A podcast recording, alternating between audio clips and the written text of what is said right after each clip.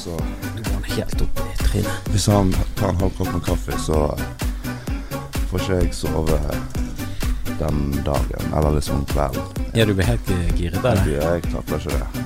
Jeg vet ikke Høyfølsom, er det det heter? Jeg vet ikke. Ja, høysensitiv. Høy, ja, det er vel sikkert noe sånt.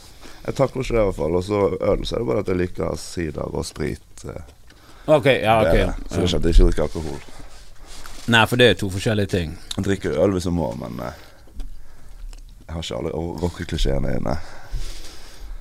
Nei, det er jo litt sånn eh, Ja, det er jo litt mer rock'n'roll å drikke sprit og øl enn sider. Ja, jeg har fått mye pes for den. For ikke sideren får den respekten. Men det, kan, eh, det spørs hvilken sider du drikker. da Hvis du drikker sånn Grevens eplesider, så er det litt mindre kred enn sånn Hardanger-sider. Ja, På det er, polet. liksom, det er litt høyere oppe, ja. Men eh, for pes Jeg kan ikke bestille meg en, eh, en drikke på Apollon uten å få litt pes av bartenderen. Det er fortsatt sånn. For jeg husker jeg husker jeg leste et intervju med han eh, godeste Thomas Seltzer. Han fortalte om når de startet å, å reise rundt og spille i band, så var de litt sånn vestkantgutter og hadde på seg sånn Gore-Tex-jakker og sånn. Og de, de, de, de kom liksom aldri helt inn i miljøet når de hadde på seg de der Men de liksom ikke allværsjakkene. Så var det liksom Du skal på deg skinnjakke og fryse. Hva er det du holder på med? Ja, de fikk liksom ikke respekt for den, og så kom de på det der eh, homoerotiske altså, For det, så, det var alle redd for, sa de på den tiden. Så da Ja, de tok liksom Hva hva er det, verste, hva er det verste en hardrocker eh, vet om? Hva hva er liksom det mest skremmende? Det var sånn homofili. De er veldig sånn homofobiske. Derfor er det veldig gøy med han Gal, Det er veldig morsomt, det. som er liksom Han er jo beinhard. Eh, altså, det er vel black metal, og så Og så er han homofil og åpen om Ja. det, og, og jeg virker ikke som det er noe sånn Virker ikke han legger så stor vekt på det heller. Det er bare sånn Nei. Nei, nei, jeg liker, jeg liker gutter, jeg liker menn. Det er ganske kult i et sånt miljø som det, som kanskje ikke har vært så åpen mot sånne ting tidligere. Til og med i hardrock-miljøet så er det vel ganske sett ned på å være homofobisk nå, altså. Det, du er ganske det. utdatert. Jeg vil tro de fleste miljøer ser ned på det, utenom kanskje nynazistmiljøet. Ja, det er vel Det er kun nynazistene og sånne erkekristne er vel de eneste som holder på eh, Ja, eller ikke bare kristne, da, men alle erkereligiøse holder Ja. vel fortsatt på det. Men du må liksom være så idiot for at det skal fortsatt være gangbar mynt i et miljø at du skal At du skal felles hate homser med noen. Da ja. ja, den er blitt eh, Det er kommet lenger. Det er bra. Det er godt. Det er veldig bra, herregud. Eh, men hvordan er det med, med dere, da, og um, Blood Command? Dere har jo holdt på en stund nå, er det Vi hater ikke homoer. Nei, og der begynte jo med det der homohatet i starten. Og så tok det litt avstand fra det, men så begynte det Nei, eh, nei jeg tenkte på eh, Jeg syns det er altfor mange band som liksom De holder på like lenge som dere har holdt på nå, og så gir de seg. Ja. Altså, ve- veldig mange som uh, Når de begynner liksom å få et bra nettverk, du får spillesteder, du har en fan, fanbase, men så er jo det tungt, da, du merker den der At du får liksom ikke nok inntekt til at det går skikkelig bra, og så blir det sånn eh, Fuck it, jeg, jeg gidder ikke mer. Altså, jeg tror de fleste som jeg tror de fleste som spiller i band i Norge, og som til og med som gjør det litt bra, har en jobb til. Ja, Har en jobb på siden, et eller annet bartender eller et eller annet musikkproduksjon og sånn. Og jeg tror kanskje det, det kan bli litt tungt, at det er det som tærer litt i lengden, og at du er lei av å ikke ha penger til telefonregningen og de tingene. Jeg tipper at det er det. jeg husker bare leste om Glusefar, som er Jeg har alltid likt Glusefar og så har jeg alltid heiet på dem, og de gjorde liksom de der eh, De hadde denne kreden, men de kom liksom aldri på det der kommersielle eh, gjennombruddet. Da de hadde en hit som begynte å bli spilt litt på hitlistene, men så De tok aldri den overgangen. Men som jeg følte liksom at med en gang de begynte sånn nå Hvis de bare gir ut én plate til, én turné til, Ja. kommer de til å begynne å mainstream. Den musikken de spilte begynte å bli mer og mer populær, og, og Helicopters var begynt å bli store, så de kunne liksom Ja, ja. komme litt i dragsuget der. Og så bare Nei, Ja. nå, nå, nå gidder jeg. Det, det, det bare orker ikke mer. Kjenner du på den selv, eller at Jeg, jeg vet ikke. Jeg, jeg er litt for dum til å, til å klare å gi meg. Skjønner at jeg bør gi meg, da. Så Eneste Eneste som er tungt, er jo kanskje det Ja, Ja, det økonomiske i det. Og resten Jeg digger jo å spille rock, det er jo derfor jeg gjør det. Jeg er jo kjempeheldig som kan gjøre det og til og med tjene noen kroner på det. Selv om ikke det er kjempemye, liksom. Så er det Ja, men det er liksom vanskelig å finne en jobb som er sikkert mer økonomisk stabil, men som gir deg like mye eh, av, eh, av glede og ja, rett og slett sånn eh, jeg, jeg, driver med litt det samme selv, sånn, står på scenen og, mm. eh, og gjør det jeg egentlig har, har lyst til. Da. Eh, en av de tingene jeg alltid har drømt om å gjøre. Og, og det er jo noe med hvor mye du får bare av det. da ja, det er det, altså. Å kunne være våken så lenge du vil, og ikke måtte stå, på, stå opp klokken syv om morgenen. Så lenge du ikke skal fly, da. Ja, men alt er liksom selvpåført. Det er veldig få andre som påfører deg noe Som Ja, ja. Hver gang du gjør ting som er sånn ah, så er det sånn Ja, ok, det var jeg som booket billett. Jeg har til og med booket billettene. Det var jeg som gikk for de billigste. Jeg kunne reist klokken tolv, men jeg valgte klokken åtte. Ja. Det, da fikk vi bedre tid. Fuck meg, nå må jeg bare gjøre det. Altså det, det er jo noe med det da å ikke ha en du har ikke en sjef du grunn til å bytte på.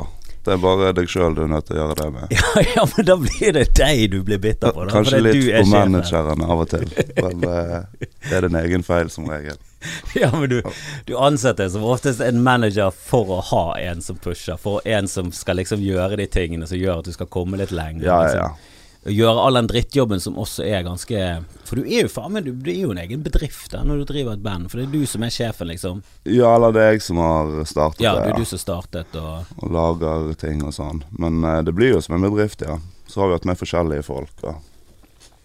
opp gjennom årene. Så det er jo uh, Ja, det er det som en bedrift, ja. Hvor kommer det navnet fra? da? Blood Command. Det er jo et jævlig kult navn. Det er, jævlig sånn eh, Det er jo catchy som faen, men Kommer det fra en film? Er det, liksom, er det en eller annen gammel obskur referanse til en tysk uh, pornofilm? Eller noe rart noe, eller? Altså, vi ville bare at det skulle høres ut som noe det ikke var, på en måte. Og Blood Command, det høres ganske sånn uh, Vi spiller jo hardmusikk, men vi spiller jo litt sånn poppete hardmusikk, sant. Og jeg syns at Blood Command, det høres veldig sånn trash metal ut. Eller det høres ut som noe annet enn det du får. Det høres enda hardere ut enn ja, det der. Og jeg syns det er litt morsomt at du setter på det, så er ikke det du får, liksom. Men uh, det, vi ville bare at det skulle høres ut som sånn her uh, Det var liksom satt sammen av Bloodsport og Commando, liksom. Gamle uh, Dårlige 80-tallsfilmer. Så det Ja, vi ville bare at det skulle høres vulgært ut og billig ut. Men du startet helt tilbake i 2008. Før der, da. Du, jeg går utover at det, dette ikke er første gangen du prøvde å spille i et band. Du må jo ha hatt noen rare konstellasjoner før dette. Det pleier i hvert fall å være sånn. Jeg har hatt noen punkeband før det. Eh, så spilt litt sånn Helvetesruten i Europa og gjort litt sånne ting. Men ingenting sånn eh, som noen har hørt om eller burde ha hørt om. Nei, men jeg, jeg, jeg syns alltid navnet er så interessant. Spesielt navnet på band som aldri ble noe til. Altså, jeg har en del dårlige bandnavn der, altså. Uh, Drow and Drive. Det var mitt forrige band. Og da skulle vi liksom eh, Vi hadde sett den Mulholland Drive, da, filmen. og skjønte jo ikke at det var det alle gater i Mange gater i USA heter det. Vi bare trodde det var et eller annet fett på den filmen der. Så vi ville kalle det for eh, noe som lignet. Og så hadde vi et band før det som het eh, Distortion Deadline, og det tror jeg er dårligste bandnavnet jeg vet om. ja, det har i hvert fall den Det har alliterasjon, men eh, ja, det var litt sånn uh, det er sånn ingenting. Ja, for det er blood, jeg syns Blood Command Med en gang du hører Blood Command, så, uh, så husker du det. Mm. Uh, og så er det et eller annet Det er noe sånn det er noe sånn kraft Det er to kraftfulle ord. da mm. Blood har alle et forhold til. Ja, Command ja. det, er sånn, det, det, er kult navn. Det bare klinger. Det er et med navnet som klinger. Det er sånn actionfilm. ja, ja, det er det. Det er jo skikkelig sånn 80-tall. Ja, ja, ja. Den filmen, den filmen ingen som har sett på noe annet enn VHS. Kanskje beta, men ja, det er ingen som har sett den på Blu-ray Det er sikkert Blood Command-filmen på Blu-ray Og så er det Michael Dudikoff som spiller en av hovedrollene. Eller et eller annet sånn Han er fra American Ninja, hvis du husker han. Å oh, nei, det ser ikke helt for meg. nei, det var sånn 80-tallshelt som var liksom han kom aldri opp på det nivået til Sylvester Stallone og Arnold Schwarzenegger som liksom slo igjennom i, i mainstreamen. Mm. Han spilte alltid de der eh, Han spilte i American Ninja-filmene, det var vel høyden av karrieren. Og så etter det så spilte han veldig ofte i sånne filmer som Jeg husker det kom film på kino, og så samtidig så kom det nesten en identisk film på video. Ja, som var billigere og dårligere, liksom. Tydeligvis at bare sånn Dette er en suksess med Steven Segal. Så bare sånn har vi et manus som ligner noe, så vi kan bare putte et eller annet på, sånn at, og så bare kalle det noe lignende, og så bare gi hverandre rett på video, og så spare noen raske penger her og der. Da, da var det Michael Dudikoff. Ring Michael. Ja, jeg skjønner. Ring, ring Dudikoff. Det der ser jeg det er et marked for fortsatt. Jeg, Ja, ja, ja. jeg, jeg skulle se den med Independence Day 2. For Independence Day 1 det er en av mine favorittfilmer ever. eh, og så skulle vi se den toeren, og så før den toeren kom, så var plutselig Oi, her er han jo.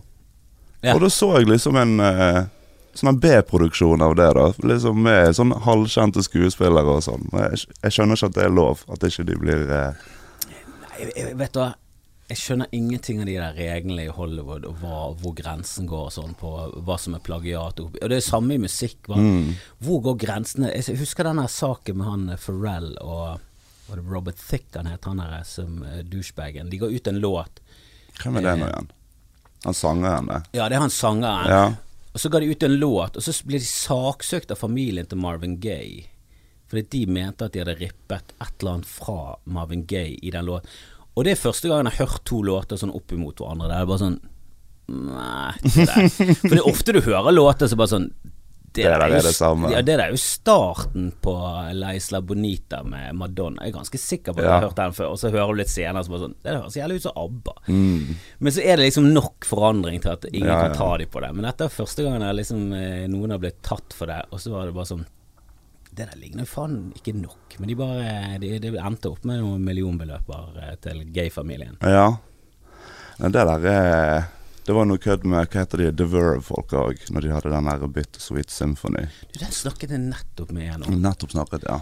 Nei, nei, jeg, altså bare privatsamtale. Jeg Ja, okay. snakket om denne The Verve-låten. Ja, for den, der har de brukt en sample av en eller annen innspilling av Rolling Stones. Ja, en sample av en Ikke originalinnspillingen, men en sånn akustisk innspilling. Ja, de spilte en, med et symfoniorkester. som en, det er en annen fyr som har laget den uh, fiolintingen Er det de det òg? tatt. Ja, ja. for det er en annen som har laget arrangement til Ja, ja. Rolling Stones-låt. Så det Men, The Verve.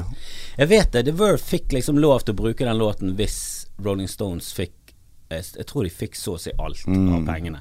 For, tenk for et nedsig. Du er et sånt band, så får du den sinnssyke De har liksom De har vel eh, De har to låter. Det er den som heter sånn Giga, og så har de Drugs, Mm. Drugs Don't Work. Work. yeah. som er ganske bra. Og så har de noen som er grei. Og Ja. så har de gitt ut noen plater, så de har sikkert tjent det òg. Men det er liksom The Bittersweet Symphony Det har jeg ofte tenkt meg med sånne band. At sånn, når du vokser opp med de, så har du hørt på tolv låter, kanskje. Men så når du blir eldre, så hører du kanskje på to av de. Mm. Ja, og så når ja, ja. du blir skikkelig gammel, så er det kun én av de låtene du egentlig setter på. For det, hvor ofte setter du på The Drugs Don't Work? Det er Det liksom er sant, det. den er kul, den, men du har hørt den nok. Men Bittersweet er Symphony, hvis den kommer, så er det sånn Den er bra, den låten. Ja, Den Han er catchy, han er svinger, så den setter du på fortsatt.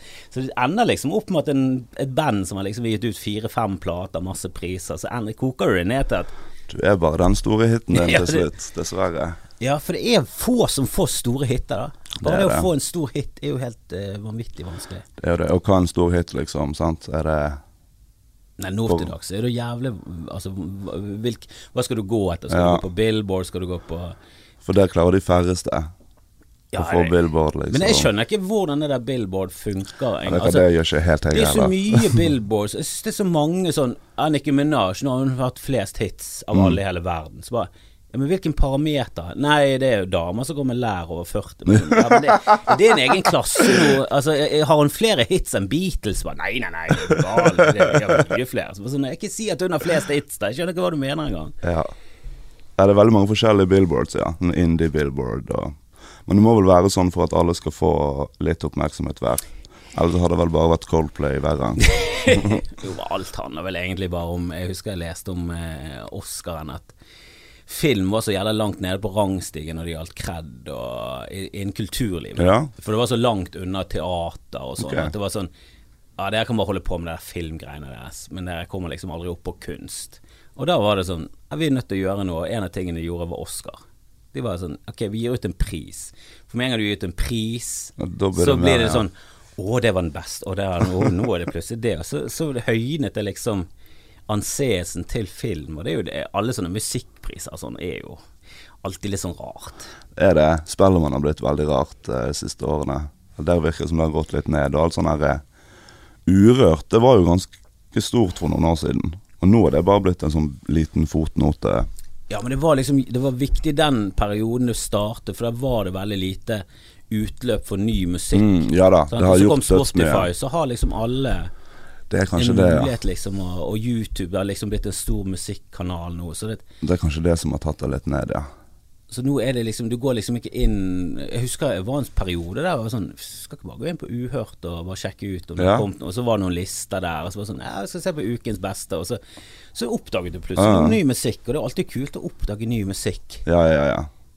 Men det er sant, og det gjør kanskje Spotify litt lettere nå. Nå kan du bare trykke på 'related artists' for det du Ja. digger, og så oppdager du plutselig mye fett du aldri ville hørt Men faen, jeg er dårlig på det der, altså. Jeg, jeg husker før det, det har jo kanskje noe med alderen og Du er vel mer interessert i å oppdage nye ting når du er liksom fra sånn 12-13 til Ja. 17-18. At I den perioden der så er det mye viktigere å liksom oppdage ting og ha din egen ting. Det definerer liksom identiteten din på en eller annen måte enn når du er Altså, jeg er jo par og 40, så da er det liksom ikke så Altså, i, I mitt nabolag Det er, sånn, det er veldig sjelden jeg snakker musikk med naboene. For jeg er ganske sikker på at jeg er litt unna de i musikksmak. Ja.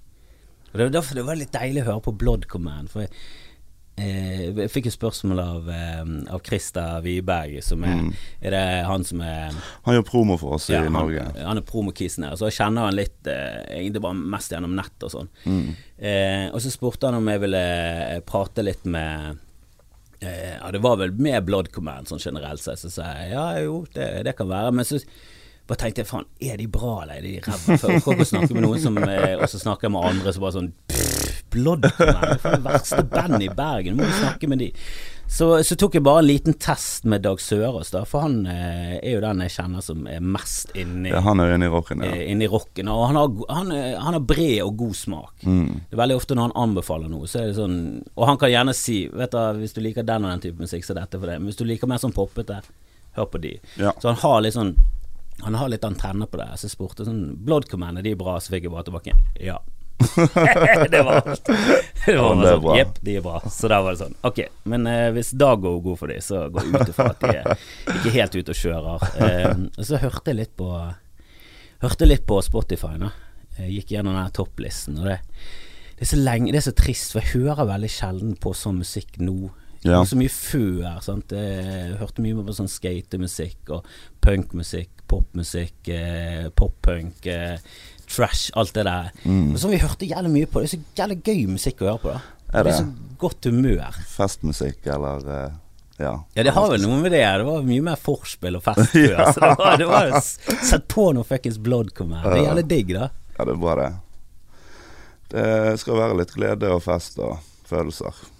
Ja, så sjekket jeg det ut, og da bare tok jeg en sånn test med sånn Blood Command Kerrang, skrev jeg bare inn. Mm. Masse greier. Ja. Og det er jo også sånn eh, For meg, da, det er jo sikkert en gammel referanse for unge folk, da, men Kerrang for meg er jo liksom de har, Hvis Kerrang har, har skrevet noe om det, så har de i hvert fall fått foten innenfor rocken. Ja, altså det er Kerrang, Kerrang og Metal Hammer, det er liksom metal-biblene. Ja. Liksom at hvis det står der, så er det I hvert fall var det, da. At da er det liksom stamp of approval. Da er det ordentlig. Jo, men de henger jo i der enda, Karang. da, Ja det, så det er jo noe der. Det er jo liksom Og greit nok, du trenger ikke være opptatt av hvem som skriver hvem, om hvem og hva og sånn, men mm. når du er litt sånn amatør som meg, så var det bare Det var greit å få en bekreftelse på at det, Det er et band. Ja, at det er et band som har noe å si. Eh, og så har dere fått eh, ny vokalist. Ja, så langt unna oss det går an å komme. Hva mener du med det? Hun bor i Melbourne. Ja. Så jeg tror det er faktisk så langt Eller at det er New Zealand. Jeg- New Zealand er enda lenger Det enda lenger jeg sjekket, men det er liksom Det er ikke mye om å gjøre før du begynner å gå nærme deg igjen, liksom. Ja, vi Hun forrige vi hadde, hun ville bli mor. Og da kan ikke vi komme og si nei. det, det vil du ikke. Så der kunne ikke vi selvfølgelig Det er jo kjempeflott, sant?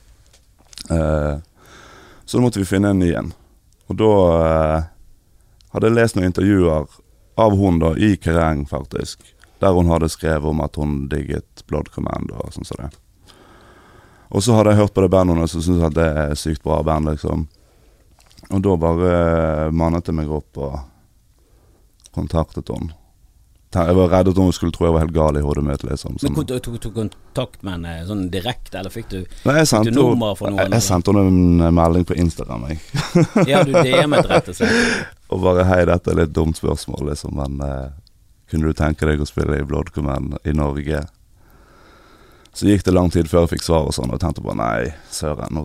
Hun har bare sett og tenkt at jeg er den idioten, liksom.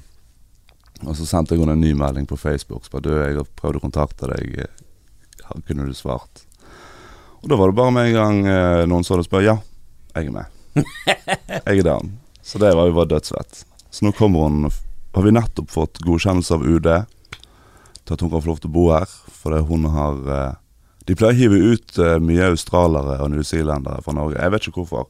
Men alle jeg kjenner som er derfra, de blir deportert hjem etter få år.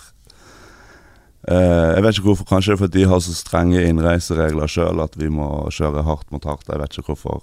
Ja. Jeg vet ikke hvorfor vi har det sånn. Men uh, vi har vært litt redd for dette med hun.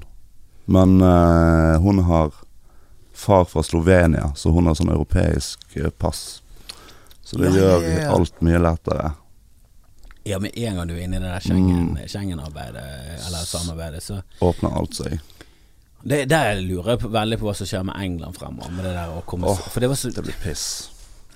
Jeg skjønner greia med å ha grenser og kontroll, alt det der greiene. Jeg skjønner greiene, og, og, og jeg er jo til dels heller mer mot at det er sånn sikkerhet som det er i dag, og ikke sånn som det var når jeg vokste opp, der det var sånn fremmede folk på gaten. Alle, altså, det var jo helt kaos, det var ingen kontroll på de flyene. Men, men samtidig er det jævlig Det er jævlig deilig å reise Europa når det liksom er Veldig sjelden du viser pass, Det er det. og det er bare sånn det, Alt flyter av gårde, og det er ingen sånn ja, det er veldig lite sånn at du må stå i en kø, og det er en fyr med våpen som står der, og alle er nervøse. og Det er, bare sånn, det er veldig sånn sweet, der du bare flyter av gårde. Kan være litt sånn i Sør-Tyskland. Der kan det være litt sånn store maskingevær og mye kontroll og mye kjeft og litt sånn. Men resten av Europa er jo veldig har vært sømløst lenge. Ja, dere har jo reist mye nedover der. Ja. Ja, vi har vært borti mye, ja. Men eh, sånn som nå med England og sånn, så blir jo det Vi skal liksom bort der i oktober for å begynne å spille nye ting. Et, et studio som vi Ja. spiller der. Men så er det det her med vaksinen, da. At vi har jo fått en av hver, alle sammen. Og de godtar ikke en av hver. De skal ha to av samme. Så vi vet ikke hva vi skal gjøre nå. Og Bent Høie han påstår at eh, Nei, det går ikke an å etterprøve, så det er bare bullshit. Men vi kan ikke, gå, vi kan ikke si på grensen til England at det her gamle helseministeren sier at det er bullshit. Ja, her eh, spiller sånn klipp. Her, han er helseministeren bare Du kan ikke etterprøve det. Kom deg til helvete. Ja, for det er sånn eh, Hvis ikke du har de rette papirene, de rette tingene, og det er strengt, så er du helt fucket. Altså, eh, jeg husker jeg leste om eh, Herman Friele skulle inn i USA. Så hadde han det nye elektroniske passet. Dette var når han var ordfører, så det er ganske lenge siden. Ja. Men hadde ikke de riktige papirene. Skulle over der og liksom besøke Seattle, naboby, eller vennebyen Mm. til Bergen. Det var noe sånn Det var jubileum og sånn, og det var bare sånn Nei, gi nå faen om du er ordfører i, i, i Bergen. Vi har aldri hørt om noe av dette. Hadde det vært London, kanskje kunne vi snakket, men gidder ikke å snakke med en fra Bergen, så han vil bare sendt tilbake. Og da vet du at da kommer du ikke inn som Blood Command, hvis ikke ordføreren er klarer det. Så du er, du er under han på rangstigen. Jeg vil tro det. Hvordan er det å reise Altså Det er jo lenge siden dere har reist vel på Ja, nå er det to år. Vi var på turné vi når denne pandemien slo inn. Så var vi på turné i Tyskland med samme kvelertak. Og da var det sånn, det var ingen som visste hva som det gikk i med den pandemien. Sånn. Folk trodde jo det skulle være over om et par uker. Så det gjorde jo vi òg. Så vi reiste jo liksom vi begynte, Selv om showene begynte å kansellere, så reiste vi videre til neste by. For vi tenkte sånn Ja, men i neste by, der er ikke det pandemi. Det er ikke sånn en pandemi fungerer. Det kan ikke være i hver by. Det er tåpelig. Så vi holdt jo på sånn noen dager før liksom management og alt bare Ok, nå må vi bare reise hjem. For vi, vi ringte jo til de eh, bookerne våre som sitter i England. Bare, du, hva er det som skjer nå? Nå leser vi avisen hjemme at uh, showet hjemme er kansellert, liksom. De bare Nei da, bare reis videre. Dette går bra. og til slutt så måtte jo de bare Ok, det går ikke så bra. Dere får reise hjem.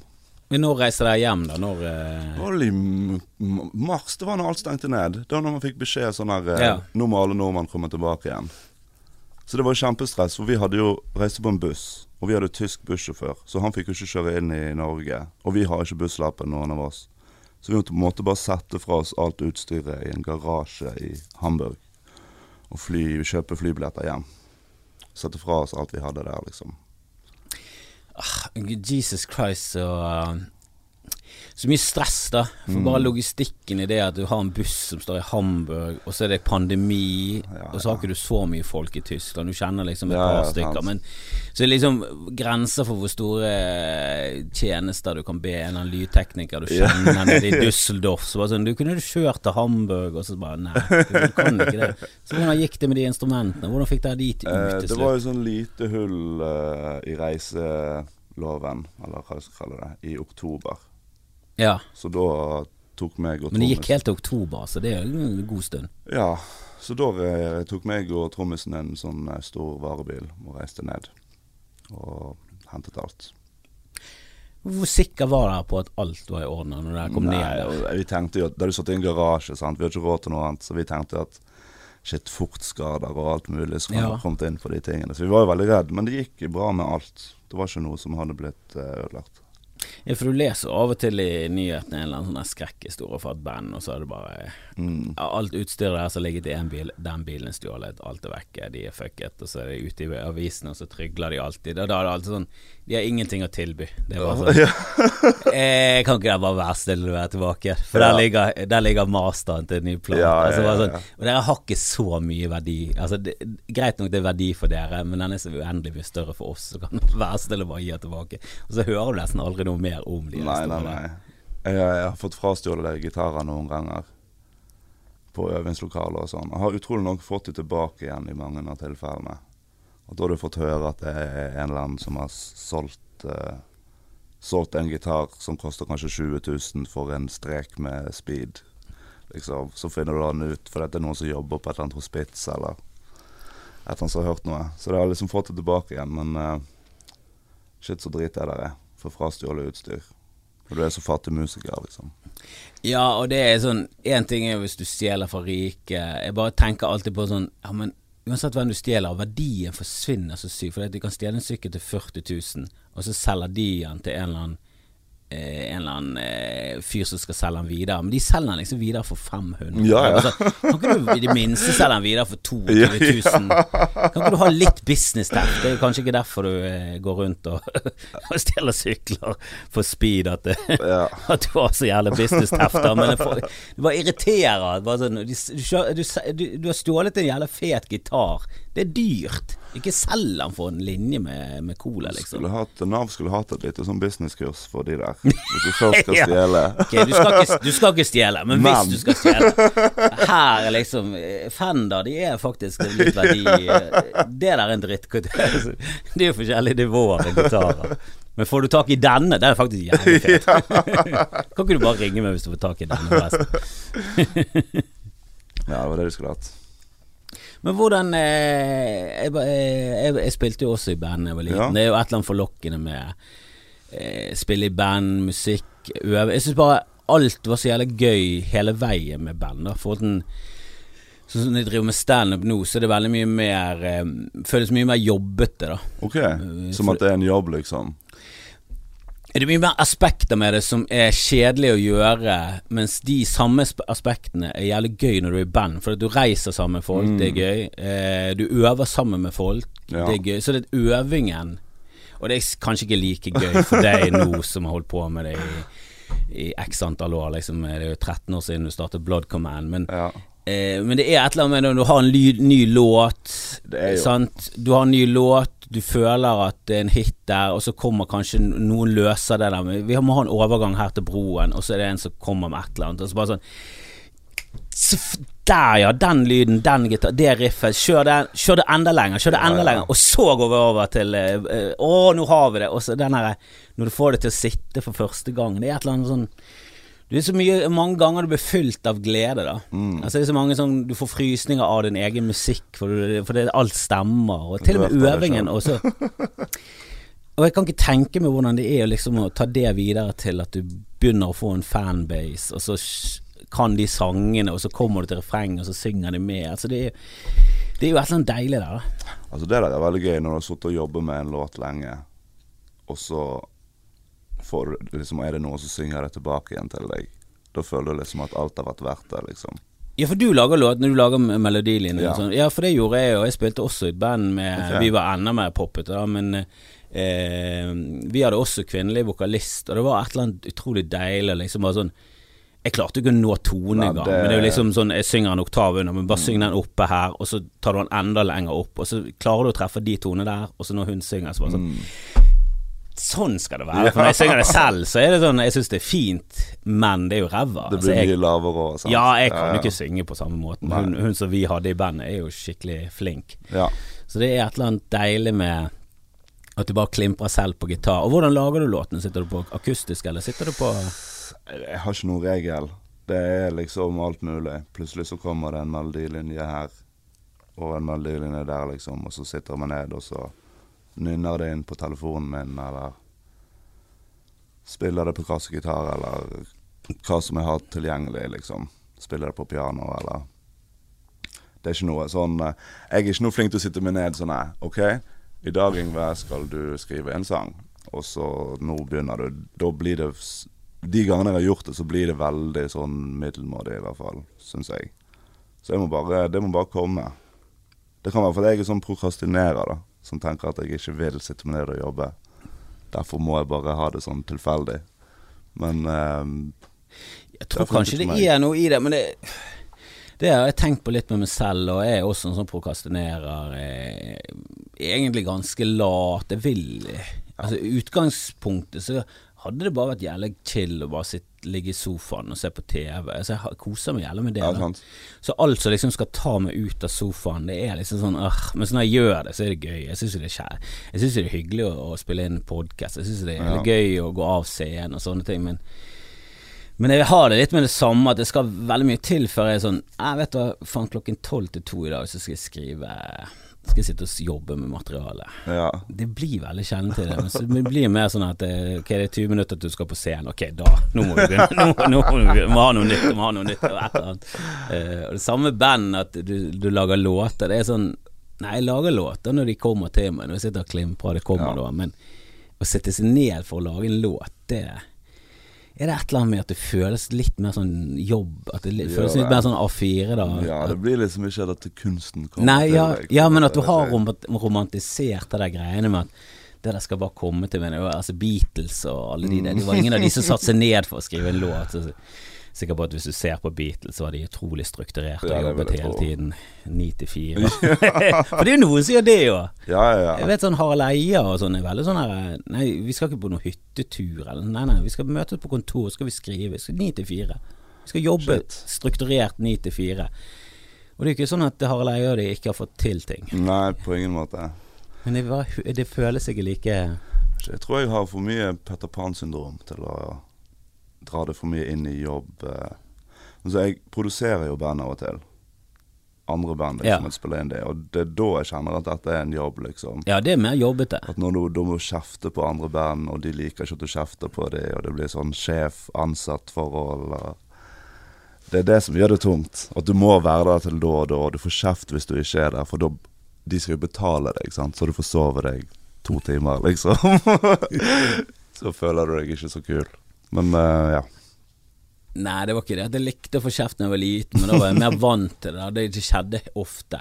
Det var ikke sånn det var ikke sånn noe som skjedde av og til. Det, var, det skjedde hele tiden, hver dag, konstant hele tiden. Men å få kjeft som voksen Det er det verste. Det, det er ja, så flaut. Og det Når henger vel litt sammen med det Petter Pan-greiene. At du mm. er ikke ja, at du er liksom ikke det, det, det, er jo ekstremt ubehagelig å få kjeft av en annen voksen. Også når du vet du fortjener det litt. Det er det verste. Du vet ja, ja. du kan ikke si noe sånn der. Hvorfor du forsovet deg to timer til jobb hele uken? Så kan ikke du si at øh, du da, eller liksom du, du, er en dust, liksom. ja, altså ikke noe gøy, å, og jeg liker heller ikke å være på den andre siden og drive med å kjefte. Nei. Uh, og jeg kan være litt sånn nazi, så hvis jeg har liksom kontroll på noe, og folk er liksom For det, det jeg driver med, er jo liksom Folk må jo komme med sin egen greie og, og levere. Sant? Du kommer der som komiker, og da må du komme med det. Og du må, eh, ditt sett må liksom sitte hvis du er i et show og du er sammen med andre. Så må- du har fem minutter der, da må du faen meg prestere. Og Jeg husker jeg hadde en sånn her juleshow der de hele tiden gikk ut og festet, da. Ja. Mens de ikke kunne det helt.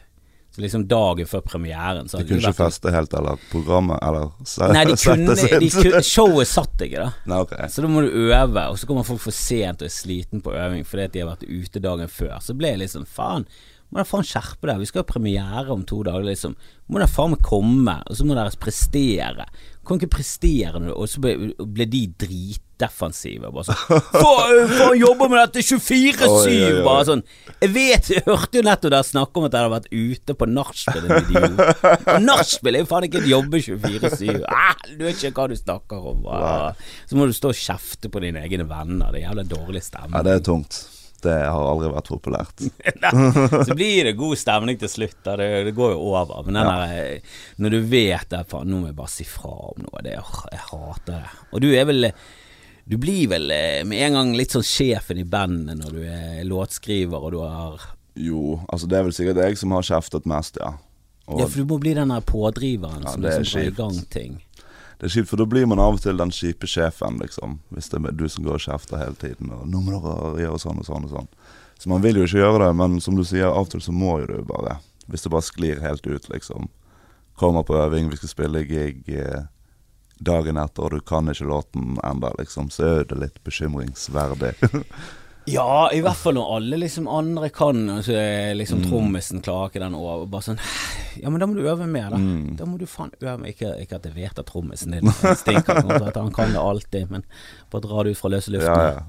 Men eh, hele oppveksten opp til Blood Command, hvordan er, Hvor er du fra i Bergen? Hvor er du, hvorfor er hvorfor har du blitt mus musiker? Strengt tatt ikke fra Bergen, jeg er fra Askøy.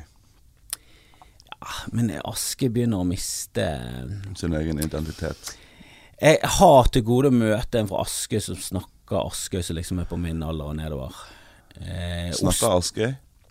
Ja, altså for, for, Sotra har jo sin egen dialekt. Ja, de sånn kjenner jeg, kjenner én som snakker Sotra. Mm. Hun, er, hun er kanskje to-tre år eldre enn meg. Ja. Eh, Bjarte Hjelmland er jo også vokst opp på Sotra, men han er jo opprinnelig fra Bergen, så han snakker ikke Sotra. Men det er venninnen hans, en eh, Linda Børnes heter hun, som Ja. han. Hun snakker stril. Okay. Hun er den eneste jeg kjenner fra Sotra. Resten jeg kjenner fra Sotra, snakker bergensk. Ja, okay. Samme fra Askøy. Der, der er det ingen jeg kjenner som snakker eh, stril. Alle snakker bergensk. Osterøy er det Mons Ivar Mjelde snakker Osterøy. Altså, jeg tror fra Sotra er det mange som slår om når de reiser over broen i Skam. Det, det, dette har jeg flere kilder på. Men eh, på Askøy, da, så er det I hvert fall på Ask der jeg er fra. Det er masse striler der òg, men de holder vi Vi prøver å holde de igjen på øyen. Så ikke de går ut og skjemmer oss ut. Men på Ask der, så, som jeg er fra, der var det sånn feriested for masse bergensere før. Blant annet for masse vanskeligstilte unger og sånn. Så den, den bergensdialekten den står veldig sterkt på Ask, da. Har gjort det liksom siden ja, lenge siden. Ja, for min Jeg, jeg syns jo bare det, det blir i hvert fall mer behagelig. Det blir kanskje mindre fagrikt, men det blir mer behagelig at alle snakker sånn Samme språk. Ja, for, for min del så er det nesten så ekstremt. sånn, Vi kan gjerne bare gå over til østlandsk, altså. Jeg kommer aldri til å klare overgangen, men eh, det kommer til å være en vond periode der. Men hvis vi om 200 år at bare alle snakker østlandsk Det hadde vært jævlig enkelt, for du kommer av og til til steder der det er sånn Seriøst, er det faen meg et forsøk på norsk? For jeg skjønte fire av de ordene, tre av de var helt uforståelige. Og jeg hørte hva du sa. Det, ba- det bare, du, du bruker rare ord. Da. Du kan, skjønner ikke hvorfor ikke folk tilpasser seg. Det er noen som har så sinnssykt sånn De eier dialekten sin så til de grader at de liksom nekter å tilpasse seg at andre skal forstå de. Og det er for meg litt sånn uh, rart når du Det du skal prøve prøve å kommunisere ting. Det er det for meg òg. Altså, det er kjekt med forskjellige kulturer og sånn, men er det så viktig at alle snakker forskjellig dialekt? Jeg vet ikke, det kan være fordi jeg snakker eh, bergensk, så det er ikke så mange som mis... Altså, det er liksom Vi, vi kan ikke si bekkalokk når vi er vekke. Vi kan liksom ikke si Det er et par ord vi vet at Ok, vi kan ikke si boss på Østlandet, for da bare tror vi er rar. Så vi legger liksom Ja, søppelet. Vi, vi klarer den overgangen der. Eh, men det syns jeg er greit. Hvis du liksom bergenser insisterer på å si boss, og du bor i Oslo, men så er det bare sånn etter 20 år, så sier du fortsatt boss. Ja. Og hele tiden kommer i situasjoner hver uke, to-tre ganger i uken, så kommer det situasjoner der folk ser rart på deg og bare sånn Hva? Inne på restauranter og sånn. Ha der boss. Boss! Hvor skal jeg kaste bosset? Boss! Bare sånn, er du så stolt av Bergen at du må hyle boss overalt? Nå kan du si søppel. ja. Nei, Jeg har ikke noen sånn stolthet i det. Nei. Ja, det har ikke jeg heller, tror jeg. Men eh, ja. Askøy Den Askøy-bergensken er bitte litt annerledes. Så hvis du snakker med en sånn språkforsker, så hører de forskjell eh, fort. Ja, der, det øret har ikke Nei, helt at ikke- jeg kan liksom plassere folk sånn Du er fra Sotra, jeg hører at du er fra Sotra, ute fra Sartor, rett ved siden av. Det var en språkforsker som plasserte meg, og da fikk jeg helt bakoversveis. What? Går det an å høre forskjell på? ja, det er liksom? bra. Men eh, det er visst noen små ord og noen sånne emninger som er litt annerledes fra Ask. Ja, Askøy. Men Askøy, det er jo litt sånn eh, musikkmiljø ute på Askøy. Det i gamle dager var det Tomboy. Det var jo de som, Ja, ja. eh, de, var de som bringte Askøy-soulen til resten av verden. Ja, ja. Er det Tomboy som har Bombadilla Life, eller er det Franklin? Nei, det er Franklin. Det er Franklin, ja. Det er jo en kongelåt. Mm, hva annet du har fra Asker, når vi snakker om One Hit Wonders. Ja. one, one Hit Wonders enn Bombadilla Life, der folk ikke kan bandnavn engang. Bombadilla Life, jeg husker en låt men hvem som hadde den, ikke på. ja, det var en av de to. Um, hva annet vi har, da? Han er eh, Fredrik Sarorea er vel fra Florø, tror jeg. Og han fra Askøy, datarockfyren, ja. Ja, han er fra Askøy. Og så er det Ingrid Espelid. Askøy. Riktignok ikke musiker, men eh, veldig viktig. Viktig person. Og hun snakket vel Askøy? ja, ja, hun hadde den striledialekten. Hun hadde strilerdialekt. Mm. Oh, jeg husker jeg så hun eh, på gaten, det var for ti år siden, så så hun på gaten. Var liksom sånn åh, hun er det, Jeg ble nesten litt sånn starstruck. Å se henne utenfor ruten, det var TV-ruten, det var rart å se henne på gaten liksom gå der. Og så gikk hun bare helt alene, det var ingen som plaget henne. Det var også litt sånn deilig å se at åh, bra at ingen går bort og begynner å mase på henne. Hun har sikkert fått det nok. Jeg har hatt så mange pinlige med det der. For det at jeg Hvis det er noen jeg har sett på TV hele livet, sant? Ja. og liksom mine foreldre har kommentert når de kommer på 'Å, der er den', sant? så liksom tenker jeg at disse kjenner jo jeg. Kjempegodt. Og jeg har hatt to sånne veldig pinlige. Og det var han Sturla Dyregrav, tror jeg. At det sånn bare Hei, liksom. Ja. Vi kjenner hverandre. Ja, og så ser, ser han bare sånn eh, Og den andre var Rune Larsen. Bare Hei, Rune. Og bare ser hva er det for noe? Jo, men kommer det for brått på, så er det bare sånn Det er et kjent fjes. Re reaksjon på eh, Men du kjente tenker på dette fjes. hun kjenner. Ja, ja, men, Ja. men reaksjonen, altså eh, re refleksen når du ser et fjes, kjent fjes, er Mm. jo hei. Ja, ja.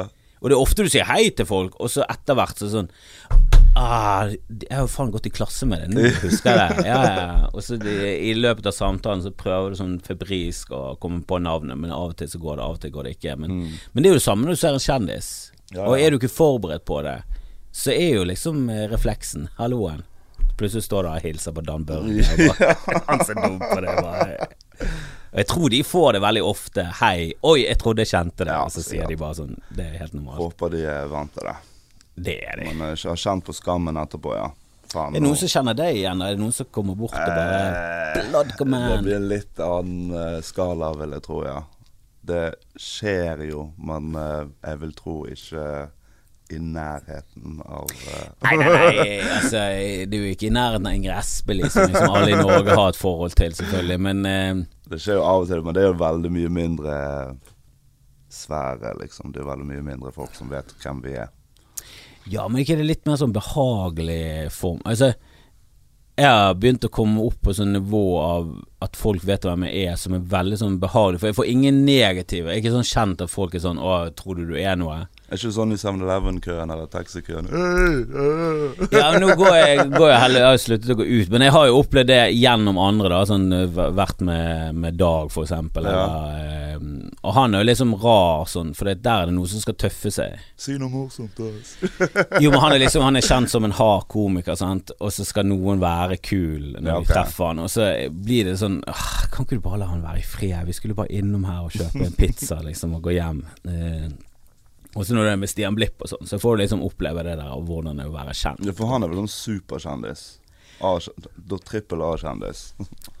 Ja, han er Du, du kan sikkert bli hakket mer kjent, men det, det skal ikke Du ikke kommer så ikke så jævlig mye over Stian Blipp i Norge, altså. Nei, Så han vet jo de fleste hvem er. Men han takler det så godt. Han er så flink og Han kan det der, ser det ut som. Ja, han, jeg tror han får litt energi av det, sånn, så han, eh, han tar jo seg tid og snakker med folk. eh, Og så er det andre du er med som er mer direkte på at de ikke ønsker noe oppmerksomhet. Det syns jeg er helt fair, det òg. Tror aldri vi står i fare for eh, å nå det nivået der på noen måte. Så jeg tror ikke det blir et issue jeg må forholde meg til. Nei, det har jo noe med sjangeren, da. At uh, hvis det skal bli um, Jeg tror ikke liksom de mest Jeg tror ikke de største innenfor den musikken har det sånn engang, liksom.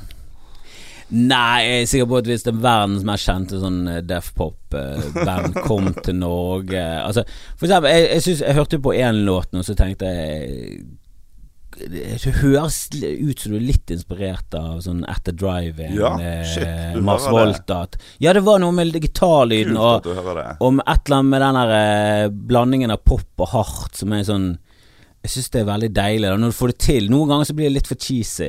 Ja, det, vi går for, uh, vi går for uh, høy popfaktor. Det er mye 80-talls inni det.